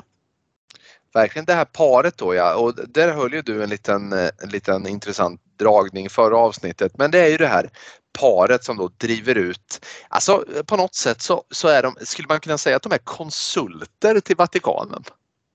Ja, frilansare som bara dyker Ja. upp där. Ja. Frilansexorcister. Ja, men där, på Eh. något sätt har de ju snärjt Vatikanen så att det är de enda som är liksom ja, som är godkända också att rycka Mm. ut. Med the blessing of the Vatican. Ja men precis och, och i, i det här fallet så här, det är ju fortfarande så, vi, vi skojar ju och eh, gjorde oss lite, lite lustiga. Jag, jag, ska vi göra så här off? Vi börjar med Ed Warren, Patrick Wilson eh, som, som då gör Ed Warren. Jag, jag tycker vi, vi måste börja och bara slänga oss in i hans varma och trygga eh, karakar-famn här. Eh, vi, vi, vi skojar ju mycket om eh, Ed Warren i den här filmen, eh, föregående filmen ska jag säga, om hans eh, flawlessness, ska vi kalla det det? Han är ju så jävla bra på allting. Eh, och där har vi ju skrockat tillsammans eh, för att vi har ju kunnat konstatera att eh, han blir inte sämre i film nummer två. Nej, vet du vad jag skulle vilja säga? Och han går som en kar, han ser ut som en kar med en kropp som en kar och han kysser som en kar ska. Så tänker säga- jag, Ja, alltså. verkligen. Skulle kunna säga, vill du se en stjärna, se på Ed också. Nej men det är ju, alltså det finns ju inget negativt i den här. Nej, han är ju, han är, förra avsnittet så här, det var ju en hel del bilmekande. Eh, I den här filmen så är han, förutom att han är en, en jäkligt inkännande make som eh, älskar och åtrår sin hustru så är han också jag tycker vi kan börja med det. Den här eh, gången spelar han också gitarr. Han gör en, eh, en väldigt bra tolkning utav Elvis Presleys eh, Can't Help Falling In Love With You. Ja, Elvis Presleys cover på den låten ska vi säga. Och sjunger den lite som Elvis och han, vet du vad han gör? Han skojar också lite sådär trubadurskönt innan han börjar sjunga. Don't laugh now och du vet sådana här grejer. Då är, där är han stark Ed. Han gör ju till och med såna här rycker på, på ena delen av överläppen precis som Elvis. Så att han Ja, flörtar visst. lite där med, med barnen och den här Ja. ensamstående morsan som han är hos. Men Ja, han, vad han gör också då? Han fixar rören. Ja, det gör han. Han, eh, han kan meka och skruva. Eh, ja, nej men eh, så här. Grejen med Ed, Ed Warren är ju densamma i den här filmen. De är lite mer sådär avvikt inställda till att hjälpa den här familjen av olika skäl. Eh, men när de är, väl är på plats där så gör Ed ingen besviken. Vad har du att säga om hans eh, hustru eh, eh, Lorraine? Ja, men vi får väl lite mer här just i denna film där med de här synerna som hon har då. För att filmen börjar ju faktiskt ganska tidigt med ett annat fall och det är ju eh, alltså Amityville. Alltså mm, huset som Gud glömde eh, Mm. bygger på Amityville. Och vi får ju se att eh, det är ju faktiskt rättegången va, som precis håller på att avhandlas här. Nu, nu var det ett tag sedan jag såg den här filmen men det är väl den det, det är ju aktuellt och de har ju varit där i Amityville också för att Ja. eh, kolla på det här. Och Lorraine har ju då syner från att hon går omkring inne i, i eh, Amityville huset. Och då ser vi den här Ronald De, DeFeo Jr, han som dödar hela sin familj då. Det är ju ett riktigt fall. Ja. Eh, och när hon går omkring där så får vi även se hur hon upplever de här morden. Men hon möter ju en, alltså en jävligt otäck figur i den här eh, visionen eller den här synen då. Mm. Och det är ju en, en nunnafigur, alltså en så här riktigt demonisk nunnafigur. Ska vi göra så att vi sparar just henne vidare där till hotet? Ja, det ska vi göra säga att, såklart. att, hon, att hon upplever, men, men det är helt riktigt att det är, hon, hon förnimmer något där ja. Ja, nej, men just det här att vi får se liksom att hon verkligen kan uppleva en hel, alltså hela sekvenser. Och det är väl det som den här filmen eh, alltså fokuserar mycket på också. Mm. Det hade vi inte så mycket i första där, utan här Nej. har det verkligen tagit vidare. Nej, men hon är, hon är ju bra mycket lugn. Alltså hon är ju den som har, som ser saker, som Mm. verkligen tror på allting också. Hon, eh, hon är väldigt god hjärtad. Ja, Och verkligen. Verkligen goda kristna eh, och ja. Ja, men det, det är väldigt, eh, jag skulle säga så här att Lorraine är väldigt lätt att tycka om. I, eh, det- hon, hon kommer väldigt bra överens med barnen. Hon kommer väldigt bra överens med alla. Hon lyssnar och hon är behjälplig på alla sätt och kan liksom spegla dem, alla karaktärer i sig själv. För att hon Mm. ju faktiskt varit med om precis allt som någon annan har varit med om. Ja, verkligen. Ja, men det har. Det- Ja, så är det. Det, det, det är, eh, ja, men hon är också lite flawless sådär. Eh, absolut. Sen förstår man att hon blir tyngd såklart utav alla de här vedervärdiga eh, synerna hon får. Men eh, nej, de krigar på och stärkta av och trygga i eh, varandras kärlek så kan de tugga vidare i livet. Eh, Jag tycker att vi ska gå igenom den här familjen också såklart. Den här ensamstående mamman. Vad heter hon? Frances? Är det så? Ja, vi har Frances O'Connor där. Ja. Eh, ensamstående mamma med Ja, det är ju- eh, ett gäng döttrar. Förlåt, hon heter Peggy Hodgson heter hon. Peggy är Frances O'Connor hon som spelar. spelar, ja ah, just det, precis. Eh, spelar vä- väldigt bra. Så här, 40, vad ska vi säga om henne? Hon har eh, fy, är det fyra eller är det fem döttrar? Eh, Ja, vad är det? Ja, men det är något sånt. ja, skitsamma. Eh, hon är ju en, vad ska vi säga, maken har stuckit. Eh, hon är en förtvivlad eh, ensamstående mamma som har eh, väldigt jobbigt, knackig ekonomi, bor i ett ganska så här ruskigt eh, område.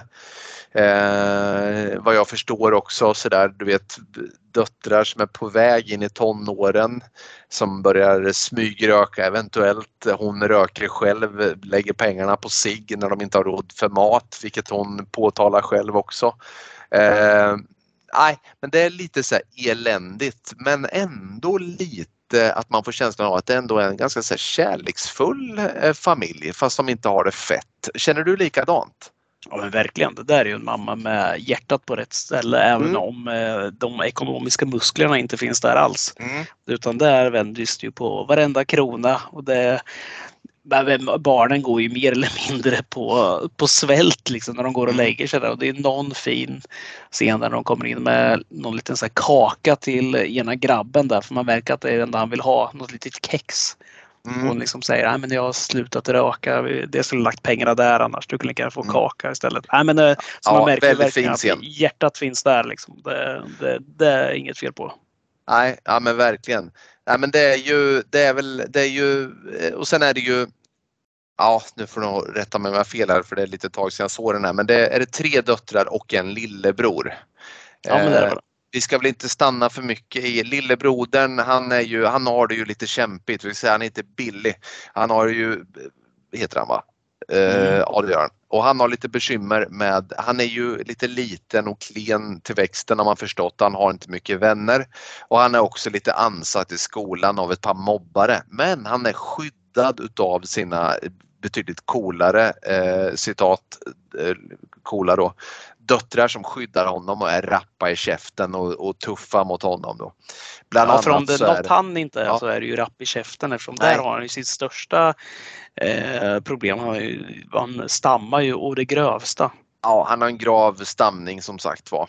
Och han har, men äh, han har mycket, han får mycket kärlek och den där kakscenen som du nämner där, den- tycker jag väldigt mycket om. Jag tycker det är en fin scen. Och det är det som också gör de här filmerna ganska bra att de är inte, alltså om vi pratar motsvarande. Det finns ju nämligen lika mycket så här spökfilmer som håller samma nivå som de här hajfilmerna vi har pratat om. Men det som gör att bland annat, eller det är mycket som gör att de här sticker ut som betydligt bättre, men det är just de här små scenerna. Det här är välproducerat, det är någon som har skrivit, det är någon som har lagt tid på de här berättelserna. Eh, så att eh, ja, det gör att det blir betydligt bättre. Eh, de här tre systrarna då, vi, vi ska väl, vi, vi, kan väl gå i, igenom dem såklart då, men det är ju en äldre syster som heter eh, eh, nu ska vi se, hon heter Margaret vi har där. Eh, ja, det är Margaret, precis. Hon är den äldsta systern. Och hon, vad får man känna, hon är, hon är, hon är ju tonåring. Mm. Eh, sen har vi eh, Janet och Janet är mellansystern. Och det är Janet som blir tappad i början med en cigg i näven. Då. Eh, hon är ju dock inte riktigt den typen känner man utan det är nog verkligen hon ska hålla ciggen hos sin kompis, en sån klassisk. Men, men, men, vi får ändå känslan av att den här är väl kanske dottern som mamman eh, har eventuellt lite problem med då. Men, eh, men, men hon verkar också vara en person med hjärtat på rätt ställe. Och jag vill också lyfta att hon som spelar Janet, alltså Madison Wolf, är en Ja, men hon är en löjligt bra skådis. Jag, jag, är, jag är så fruktansvärt imponerad av rollprestationen från den här människan som jag nog inte har sett i så mycket annat.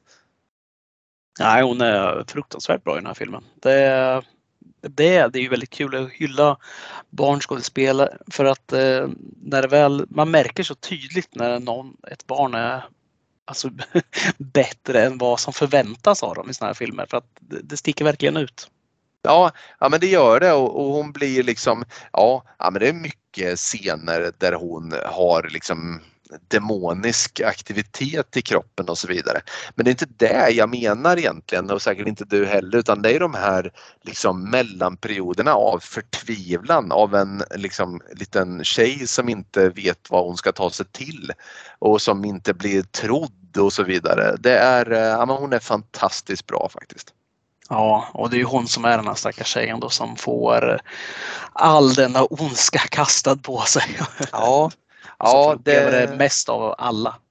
Mm, precis. Har, är det inte så att vi har ett litet Wia-bräde också som ligger till grund för detta även i den här filmen? Ett hemmagjort Jo, hon sitter ju och leker med ett sånt. Eh, sen mm. vet vi väl inte riktigt om det där startar eller inte Nej. men absolut, det har hon ju. Det blir inte Witchboard eh, i alla fall av det. Ja, eller Exorcisten för all del. Ja. Har du, är det någon annan där karaktär som du tycker är värt att nämna än den här familjen och paret Warren? Nej, men det är väl inte någon av dem vi behöver gå in på riktigt nu. Alltså vi har ju de här Maurice Groves och Anita Gregory som är två andra sådana här paranormala utredare som eh, mm. kommer och hjälper till där och där har vi, de är väl varandras raka motsats nästan där den här Anita är mer en sån som Nej, men hon, hon misstror liksom. Hon, jag skulle nog vara den typen misstänker jag om jag var en sån här.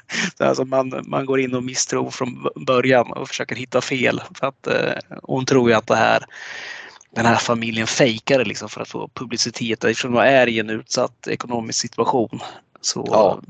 är det väldigt lätt att tro att de fejkar det. Och sen har ja, vi den här visst.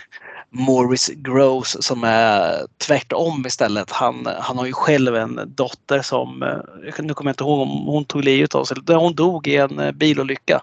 Ja, och det är väl faktiskt en riktig person också från början där. Alltså en, eh, men han är verkligen den här som, ja men ibland måste man bara ha lite tro på det, säger han. Och ja, ni vet vad jag menar när jag säger den där meningen. Han är verkligen någon som ger en lite så här, lite lite dystert leende men ändå så visar att ja, men, med lite hopp så kommer man ganska långt.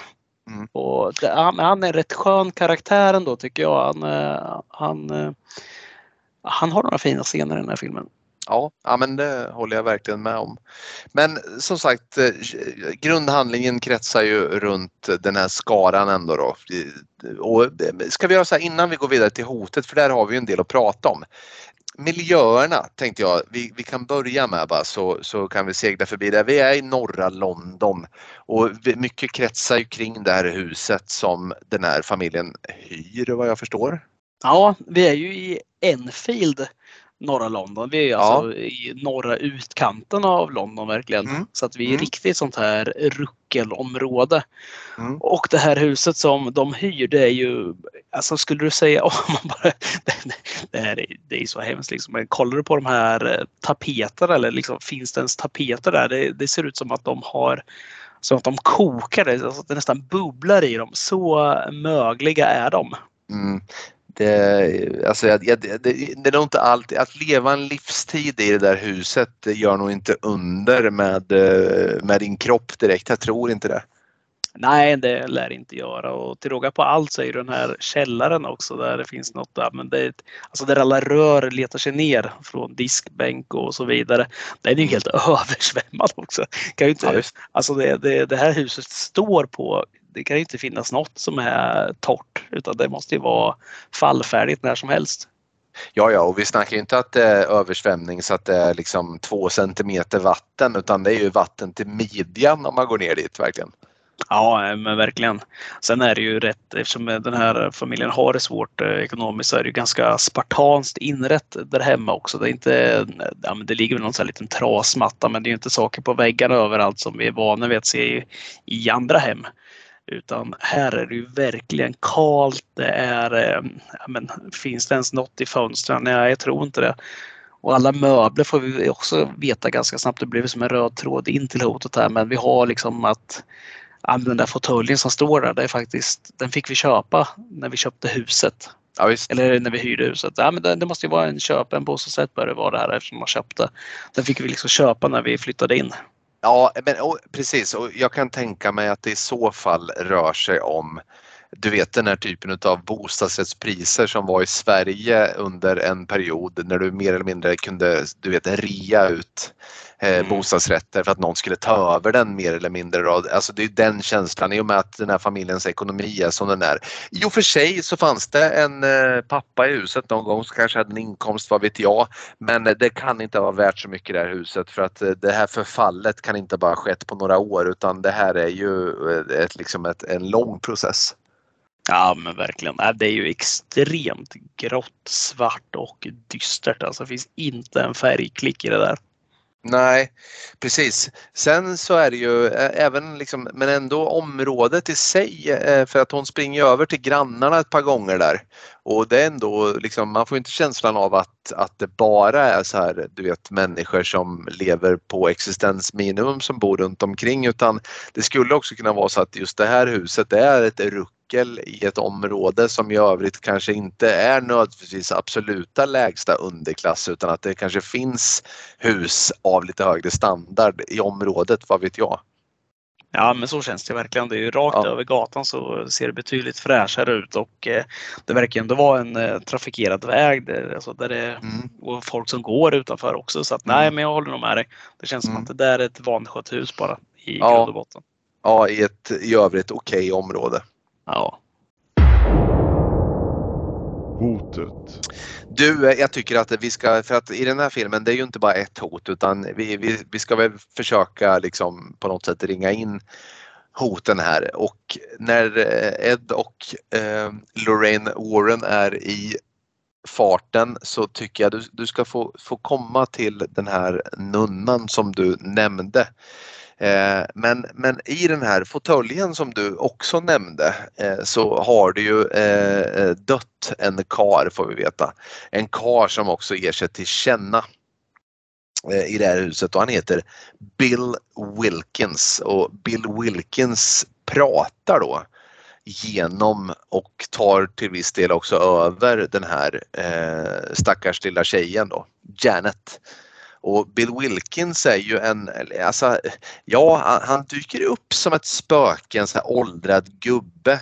Men, men vet du vad, när jag såg den här filmen så fick jag känslan direkt ändå att det kan inte vara Bill Wilkins som är the main threat i den här filmen. Visst, han dyker upp och det blir det så här klassiska Conjuring jump scares.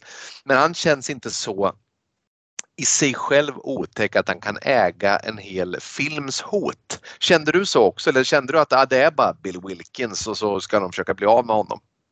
Nej, men jag håller helt med dig här för att eh, ju mer vi hör Bill Wilkins prata så framgår det ju ganska tydligt att Bill Wilkins kanske inte var vid sina sinnes helt fulla bruk när han eh, gick och dog. Utan han, eh, han är ju rätt lynnig när de pratar Mm. med honom. Han, eh, han är ju väldigt lätt att bli ganska aggressiv snabbt. Men man märker också att han finns något så här att han, eh, ja, men han saknar sin familj, han undrar var de är och vi märker att ja, men han är ju det känns som en ganska dement farbror liksom som, som bara saknar sin familj egentligen. Och inte, Ja, och på det här, inte på det här spöksättet som vi är vana vid att se i många andra filmer som är Vad fan är min familj? Nu ska jag spöka och ha ihjäl alla. Utan det är mer så här, man hör att han har lite saknad i rösten och så blir han så här men de var ju här nyss, var, var är de nu? Och, Ja, precis. ja, och där känner man ju så det, där får man nästan lite så här medkänsla med honom istället och Ja. tänker att men jävlar, så här, fan, det var inget kul. Så här, nej, Nej. men nej, ge tillbaka stolen till honom så blir han nöjd. Mm. Ja men precis och det är ju också det här med, ja men this is my house. Alltså det, det är ju mycket det där och, och Conjuring-filmerna är ju, de är ju liksom så läskiga i sig såklart och det känns inte, ja men det kändes som att det finns någonting mer där. Eh, och, och det gör det ju Hoff, så att du ska få ta vid här nu och fortsätta din, eh, din eh, lilla berättelse om ja, nunnan. Ja, alltså nunnan i sig då. Vi, vi har ju inte, vi får ju ingen jätte... Det, det kommer ju komma en film sen som vi ska avhandla som heter The Nun. Som är liksom hennes berättelse. Men i den här, vi får ju vi får ju bekanta oss med det i den här första synen då som Lorraine har i Amityville. Vi ser att en demonisk nunna-figur går förbi lite snabbt och eh, skräms. Men här, här, när efter den här Bill Wilkins då, att vi inser att det inte är han utan han är bara någon slags, vad ska vi säga, eh, marionettfigur liksom. Han är, ja, men han, han är bara en bonde liksom egentligen. Det, det är den här andra, det är ju den här nunnan som försöker bryta ner Janet. Men eh, ja, alltså vi, vi får ju inte reda på någonting om henne egentligen. Vi får bara reda på att den här tavlan egentligen som, eh, som Ed målar en dag. Han får ju en, eh, en syn då, en dröm. Och så målar han den och där, där framgår det första gången vi ser henne i eh, klart och tydligt. Mm. Och det är ju en eh, riktigt eh, vidrig nunna som med såna här riktigt hemska ögon framförallt.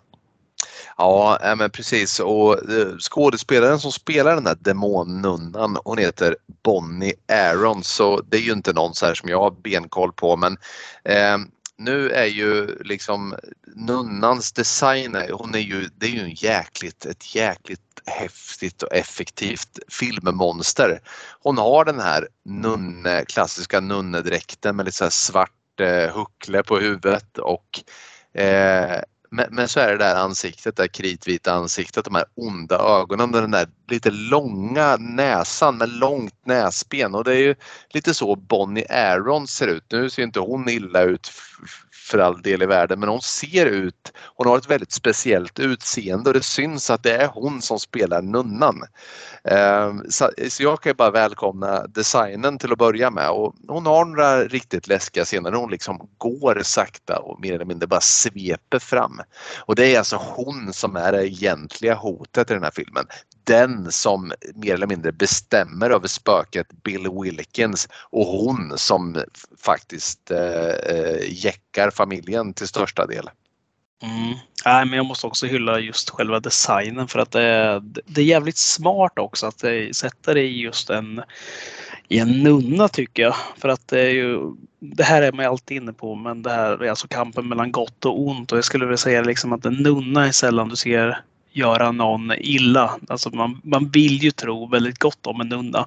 Så att det blir väldigt effektfullt då att sätta in något så mörkt och elakt i en, i en nunnekropp. Det, redan där har man mycket vunnet och sen att göra en så här mörk under ögonen och stirrig blick och ja, men allmänt liksom halvdöd eh, ja, i utseendet blir ju väldigt effektfullt.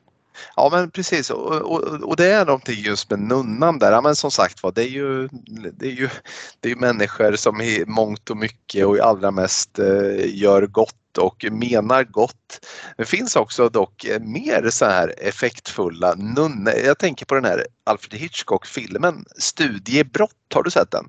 Ja, då, men det var länge sedan, men jag vet vad du menar. Ja, men i slutet där så är det en nunna som ska upp och, och liksom komma ifatt henne där i, i, i tornet. Och jag blev lite rädd också där alltså, så det finns ändå någonting Även att nunnorna är goda och lever i kloster och ber för oss och, och så vidare så, så är det någonting, det finns någonting där som är rätt effektivt så att man är i skräckfilm så här som, ja, men det finns någon, ja, jag vet inte vad det är men det, det är eh, Ja, fler lär ju tycka det eftersom man väljer den här typen av monster, den här kontrasten. Ja, det finns något, absolut. Kommer jag ihåg fel här, men är inte den en nunna med i The Omen, alltså originalfilmen? är det inte en nunna som dör i början där också? Som är hemma hos det här paret, Thorn. Ah, jag tror Eller det är det barnflicka nuvarande bara? barnvakten, barnflickan ja. som hänger sig där. en Det nunna, så men, får ja. ju det med, ja precis. Mm. Ja, men det är nog sant som du säger där. Bara att den är väldigt svartklädd. Mm. Ja, Ja, men det är, eh, så är det. Så att eh, nunnan och Bill Wilkins, men nunnan är ju den som är ja, ruskig, ruskigt effektivt. Men sen har vi också, det är värt att nämna, lille pojken i familjen, han har ju en leksak. Eh, en sån här, ett, precis som i första filmen, ett sån här spel. Du vet en sån här som man skruvar upp och som speldosa. snurrar. En speldosa ja och, och, och där har vi ju en liten sång om The Crooked Man. Eh, och det är också en så här, ett, sen- sen, måste jag säga att jag är inte alltigenom jättenöjd på, med designen på The Crooked Man för det är väldigt animerat och jag tycker att det bryter magin för mig lite grann. Eh, men den, det är effektivt att de har den där Crooked Man och de har den där lilla glada sången om The Crooked Man som hade en crooked hatt och allt vad det är.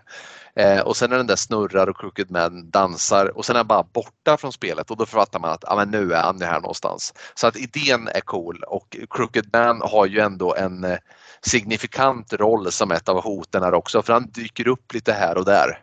Mm. Jag är helt med på det, vad du menar också för att jag tycker just när man stirrar in i den här speldosan och ser de här eh, stilla bilderna bli till rörliga bilder då eftersom man snurrar den snabbare och snabbare så blir det ju som en eh, alltså dåtidens film. Det är ju Mm. som när du målar på ett eh, papper och sen bara så ja, du vet som man gjorde när man var liten. Mm. Eh, nej, men då ser den ju rätt äcklig ut den här alltså, eftersom den är helt böjd. Den här, alltså det är som Barenecked Lady från Bly Manor-serien. Det är Mm. väldigt obehagligt liksom. Men eh, nej, det, jag, jag håller helt med dig just när, att magin bryts när man får se den sen i, alltså i verkligheten då. När den inte är på bild för att då har vi ju dataanimeringar och det, det fallerar som vanligt. Det, det gör alltid det. För att det, dels är den stor, dels rör den sig jävligt konstigt också tycker jag. Ja, något sätt. Jag, vet inte om, jag vet inte om de försöker få till någon så här, så här stop motion effekt på den. Men Mm. det ser bara konstigt ut. Och Nej, det, där, det, det störde mig. ja, Men, och- och- eh, ja. nej, men kör du. Nej men jag skulle bara säga, jag håller med dig. Alltså jag tycker att den där Crooked Man, de bollade ju för det låter ju otäckt. Det låter ju otäckt om en Crooked Man. Och det skulle inte vara så jävla svårt att ta en lång skådis som är jävligt spinkig och, och, och, och träna upp något rörelsemönster som inte skulle hänga ihop så skulle det där kunna bli jävligt obehagligt tror jag. Ja, för att de har ju, de har ett element med rätt mycket i filmen som eh, de sitter ju i hans, den här pojkens lilla tält. Han har ju så här leksakstipi liksom som han sitter i och leker i. Där det är otroligt mörkt för att det ändå var ljus där inne i hemmet. Så är det Mm. väldigt mörkt i det här tältet. Mm. Vilket är fysiskt omöjligt skulle jag säga. Men det, det, det funkar. För dig som funkar. fysiker så är ju det, det, det, här rimmar Jag illa. jobbar, jag jobbar väldigt mycket med optiska illusioner. Ja. nej, nej, men det, det, nej, men det är effektfullt just det här, eh, det här tältet för att han sitter ju där ofta inne och leker och sen eh, skjutsar han in en bil en gång där. En sån här Mm. liten leksaksbil som kom och sen ser vi att den bara skickas ut igen ur mörkret. Mm. Och det, vi pratar ju inte om mer än vad kan det vara, så här 45 centimeter radie där inne eller något sånt där. Det är inte, Nej. det är inte mycket yta. Nej. Men där hade det varit väldigt fint om det här tältet då hade kunnat ställa sig upp och börjat gå mot honom eller liknande utan att man Mm. behövt se den här eh, personen. Ja, visst. Ja, visst. fattar ju att det är Crooked Man som sitter där. Ja. Men, eh, Mm. nej, det, det där tältet är jävligt obehagligt i vilket fall. Ja, nej, ja, absolut. Men som sagt var, det, det, det är ju de här tre spökena egentligen som, som vi har att göra med de här tre demonerna i Bill Wilkins Spöknunnan eller Demonnunnan och Crooked Man. Eh, ska, vi, eh, ska vi gå vidare? Har du några favoritscener att välja ut? Ja, men det, finns, eh, det finns många. Jag, vi pratade om den tidigare. Jag vet att både du och jag, när vi nämnde just eh, Ed Warren och hans Elvis-framträdande så sa vi så här, hur töntigt det än är och hur alltså hur, mycket, hur för mycket det blir av Ed Warren och hur mästerlig han är så är det här en fantastiskt bra scen. Men, men det, det, är inte, det är inte på grund av att Ed Warren sjunger Elvis och gör det helt perfekt utan det är för min del i alla fall så är det, det här, den här sargade familjen som har varit med och så mycket skit som sen på något sätt samlas där i vardagsrummet och ändå får, de får någon slags kärlek av samhället och då även om det är två utsända liksom, demonjägare i paret Warren som kommer dit mm. och sen sätter sig och sjunger där. För att någonstans innan så säger ju eh, mamman där till just eh, Ed att Nej, men min make stack och han, han tog med sig all musik ur huset. Och det är mm. liksom, eh, ja, inte bara att han tog alla skivor med sig utan när hon säger det så fattar vi alla att han, han tog med sig liksom all glädje. Liksom. Det var, allt det där försvann. Mm. Och det, det tyckte jag var fint för då känner man någonstans att det här är en familj liksom som har varit så svältfödda på någon slags glädje. Liksom, allt så enkelt som musik liksom, som kan betyda så mycket. Att mm. När de får det tillbaka. Nu låter det jättelarvigt där för att det är, ing, det är absolut ingen sån film där. Men någonstans tyckte jag ändå de hittade helt rätt i tonen i den här scenen när han sätter sig där och alla lyser upp. Och det kanske har med bra barnskådespeleri att göra liksom. Men alla sitter där och man ser att de får någon slags tro tillbaka på livet. Mm. Jag tyckte det var jättefint. Och det, det här är grav överanalys över en scen som absolut inte ska vara så här mycket plats. Eller ta så här mycket plats. Men nej, jäklar den, den var bra. Fast jag, jag, jag tycker nog inte att det är en överanalys för att jag tycker att den där scenen också ger det här andningstillfället i en film som är, för att det ska vi göra klart här, skådespeleriet är så pass bra, inramningen är så pass bra så att man vill ju inget hellre än att det ska gå jättebra för den här familjen. Man önskar dem allt gott här i livet. Och därför så är det lite av det goda när Ed, eh, Elvis Presley Warren sätter sig och river av den här låten och man får också som tittare lite så här Åh, gud vad skönt så här, och bara kunna så här, njuta lite. För den, man, eh, i övrigt så är man lite så här på helspänn eftersom det är det klassiska jump scares och ja, men den är rätt mörk så där. Så jag, jag, tycker, jag tycker den var exceptionellt bra den scenen. Jag satt faktiskt och, och mös så gott du nämnde att Ed har ju målat en tavla på den här demonnunnan. Och Lorraine ihop med dottern ser ju den där nunnan i sitt eget hus eh, också i en vision. Nunnan bara står längst bort i korridoren och dottern säger Vem är det där? Och så står hon och tittar längst bort. Så här. Oerhört otäck. Så går hon in i det där rummet med tavlan och så går Lorraine efter och så ser man, hon tittar på tavlan där så ser man att två, eh, du vet en hand kommer ut på varje sida om tavlan och håller i den. Och sen går mot henne. Så här. Den tyckte jag var en så effektiv scen. Eh, innovativ och, och, lite så här härligt, du vet eh, popcornskräckig. Den var en eh, schysst scen när man verkligen fick den här nunnan i närbild även om det var i, i målad form. Så att eh, den gillar jag. Ja, det var, den var jävligt otäck där, alltså hela den biten. Men det är jävligt snyggt med, med skuggan. Mm. så det, det var snyggt. Mm. Ja, jag tyckte det, även det här andra, jag måste ta det också, det här som jag pratade om förut, när Maurice Gross eh, är med, den här andra utredaren då, som de har med. Han sitter och pratar med den här Bill Wilkins. Eh, och Bill Wilkins för första gången säger sitt namn då till honom. Den, den, var rätt härlig den scenen också när han nästan vrålar sitt namn. Han är ju som sagt väldigt lynnig den här Bill Wilkins. Och säger Billy, Billy, Bill Wilkins. Så här, vrålar ute. Mm.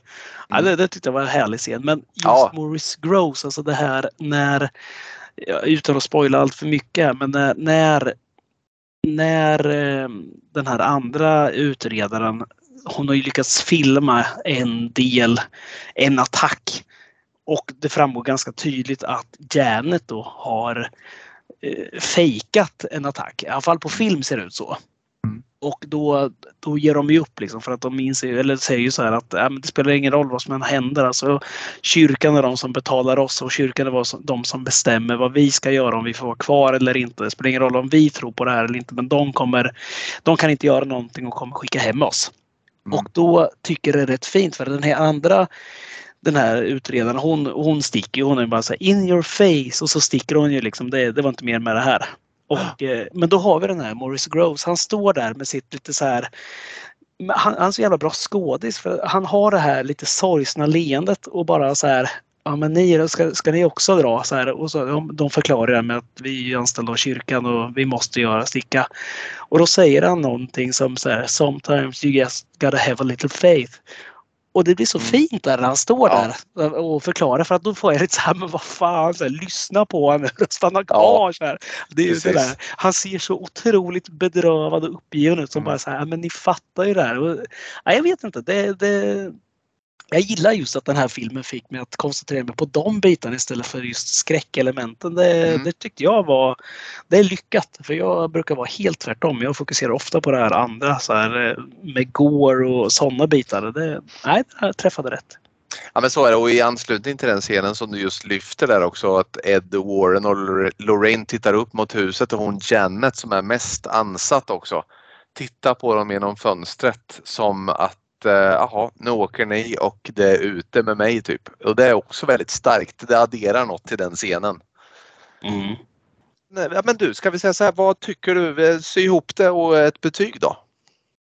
Ja, nej men eh, som en uppföljare för att eh, det är ju en uppföljare och då måste den bedömas som en uppföljare tycker jag också.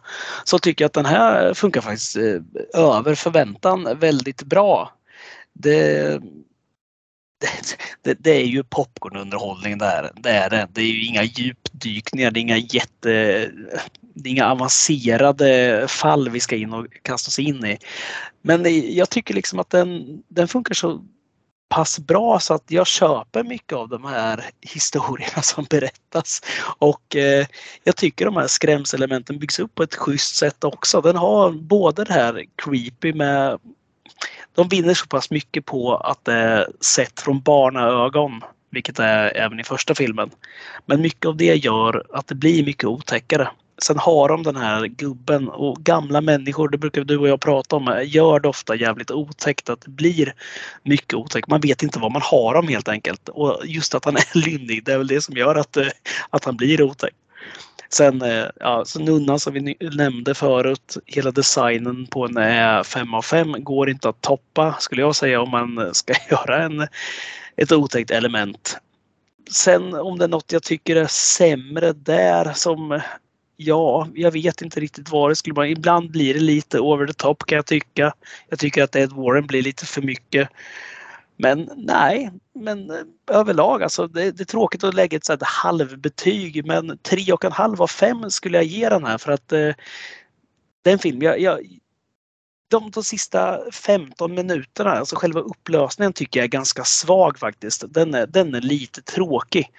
För att det, det är ett ganska tråkigt sätt som de lyckas eh, besegra den här demonen på. Eh, vi behöver fan inte spoila det men det, där hade jag önskat mig lite mer. Jag vill gärna ha en, en redig fight. Jag tycker att det här är, nej, det här har varit för enkelt. Eh, ja men ja, vi tycker nog eh, ganska lika eh, verkar det som. Jag, jag gav ju första Conjuring-filmen högsta betyg och det gjorde jag inte för att det är världens bästa skräckfilm utan för att den i sin genre som popcornskräckis och under rätt förutsättningar är ett mästerverk. Eh, den här är inte mycket sämre än den första filmen. Eh, bitvis eh, bättre till och med men eh, kanske inte riktigt. Det blir ju mycket av en repetition trots allt. Alltså vi har Ed och Lorraine Warren, vi har synerna, vi har en hårt ansatt familj, vi har eh, demoner som ska drivas ut så att på det sättet så, så är det ju en uppföljare och, och, den kan inte göra så mycket mer åt det. Men jag tycker ändå att man verkligen har tagit sig tid och ge karaktärerna liv och som vi har sagt så är skådespeleriet magnifikt. Jag tycker också precis som du att upplösningen här kunde ha varit starkare. De peggar upp så jäkla bra så att jag tycker nog att de hade kunnat få till det på något annat sätt. Och som jag sa, jag tycker också att Crooked Man, när de ändå introducerar ett nytt spöke bland spöken så, så, så måste de liksom lägga dem på hyfsat likvärdig nivå. Och, och även här så börjar det bra med The Crooked Man. Man förstår att The Crooked Man och eftersom den här sången är en del utav lite för att öva Billy på att inte stamma så är den, den här Crooked Man-sången med rätt mycket. Så man peggar också upp där för att det ska bli lite bättre än vad det blev. Och med den här eh, Eh, animationen och sådär så, så, så brast det lite grann för mig. Men jag går nog lite högre än du till och med utan jag säger fyra av fem. För Jag tycker att den här filmen i stort sett håller samma klass som den första filmen och är väl värd att se om man gillar genren. Och precis som den första Conjuring-filmen så tror jag att den här filmen är för de allra flesta som gillar skräckfilm. Jag har väldigt svårt att se att någon som är en så här skräckfilmsentusiast och som gillar det mesta som den genren har erbjudit att man skulle tycka att Conjuring 2 skulle vara dålig. Nej, för det är den inte. Det är en jättebra film som man bör se. Eh, spännande! Nu är vi vidare i vårt eh, Conjuring-verse. Eh, vi tar en liten paus ifrån de här filmerna. Vi brukar köra varannan och nu är det Sleepaway Camp som vi ska hinna med däremellan också. Men du, jag tycker så här eftersom dagarna är ljusa nu så är fortfarande kvällarna mörka och nu är klockan snart, ja nu slår hon om på midnatt så att nu är klockan 00.00 och spöktimmarna är här. Och du och jag Kristoffer, vi försvinner ut i nattens mörker.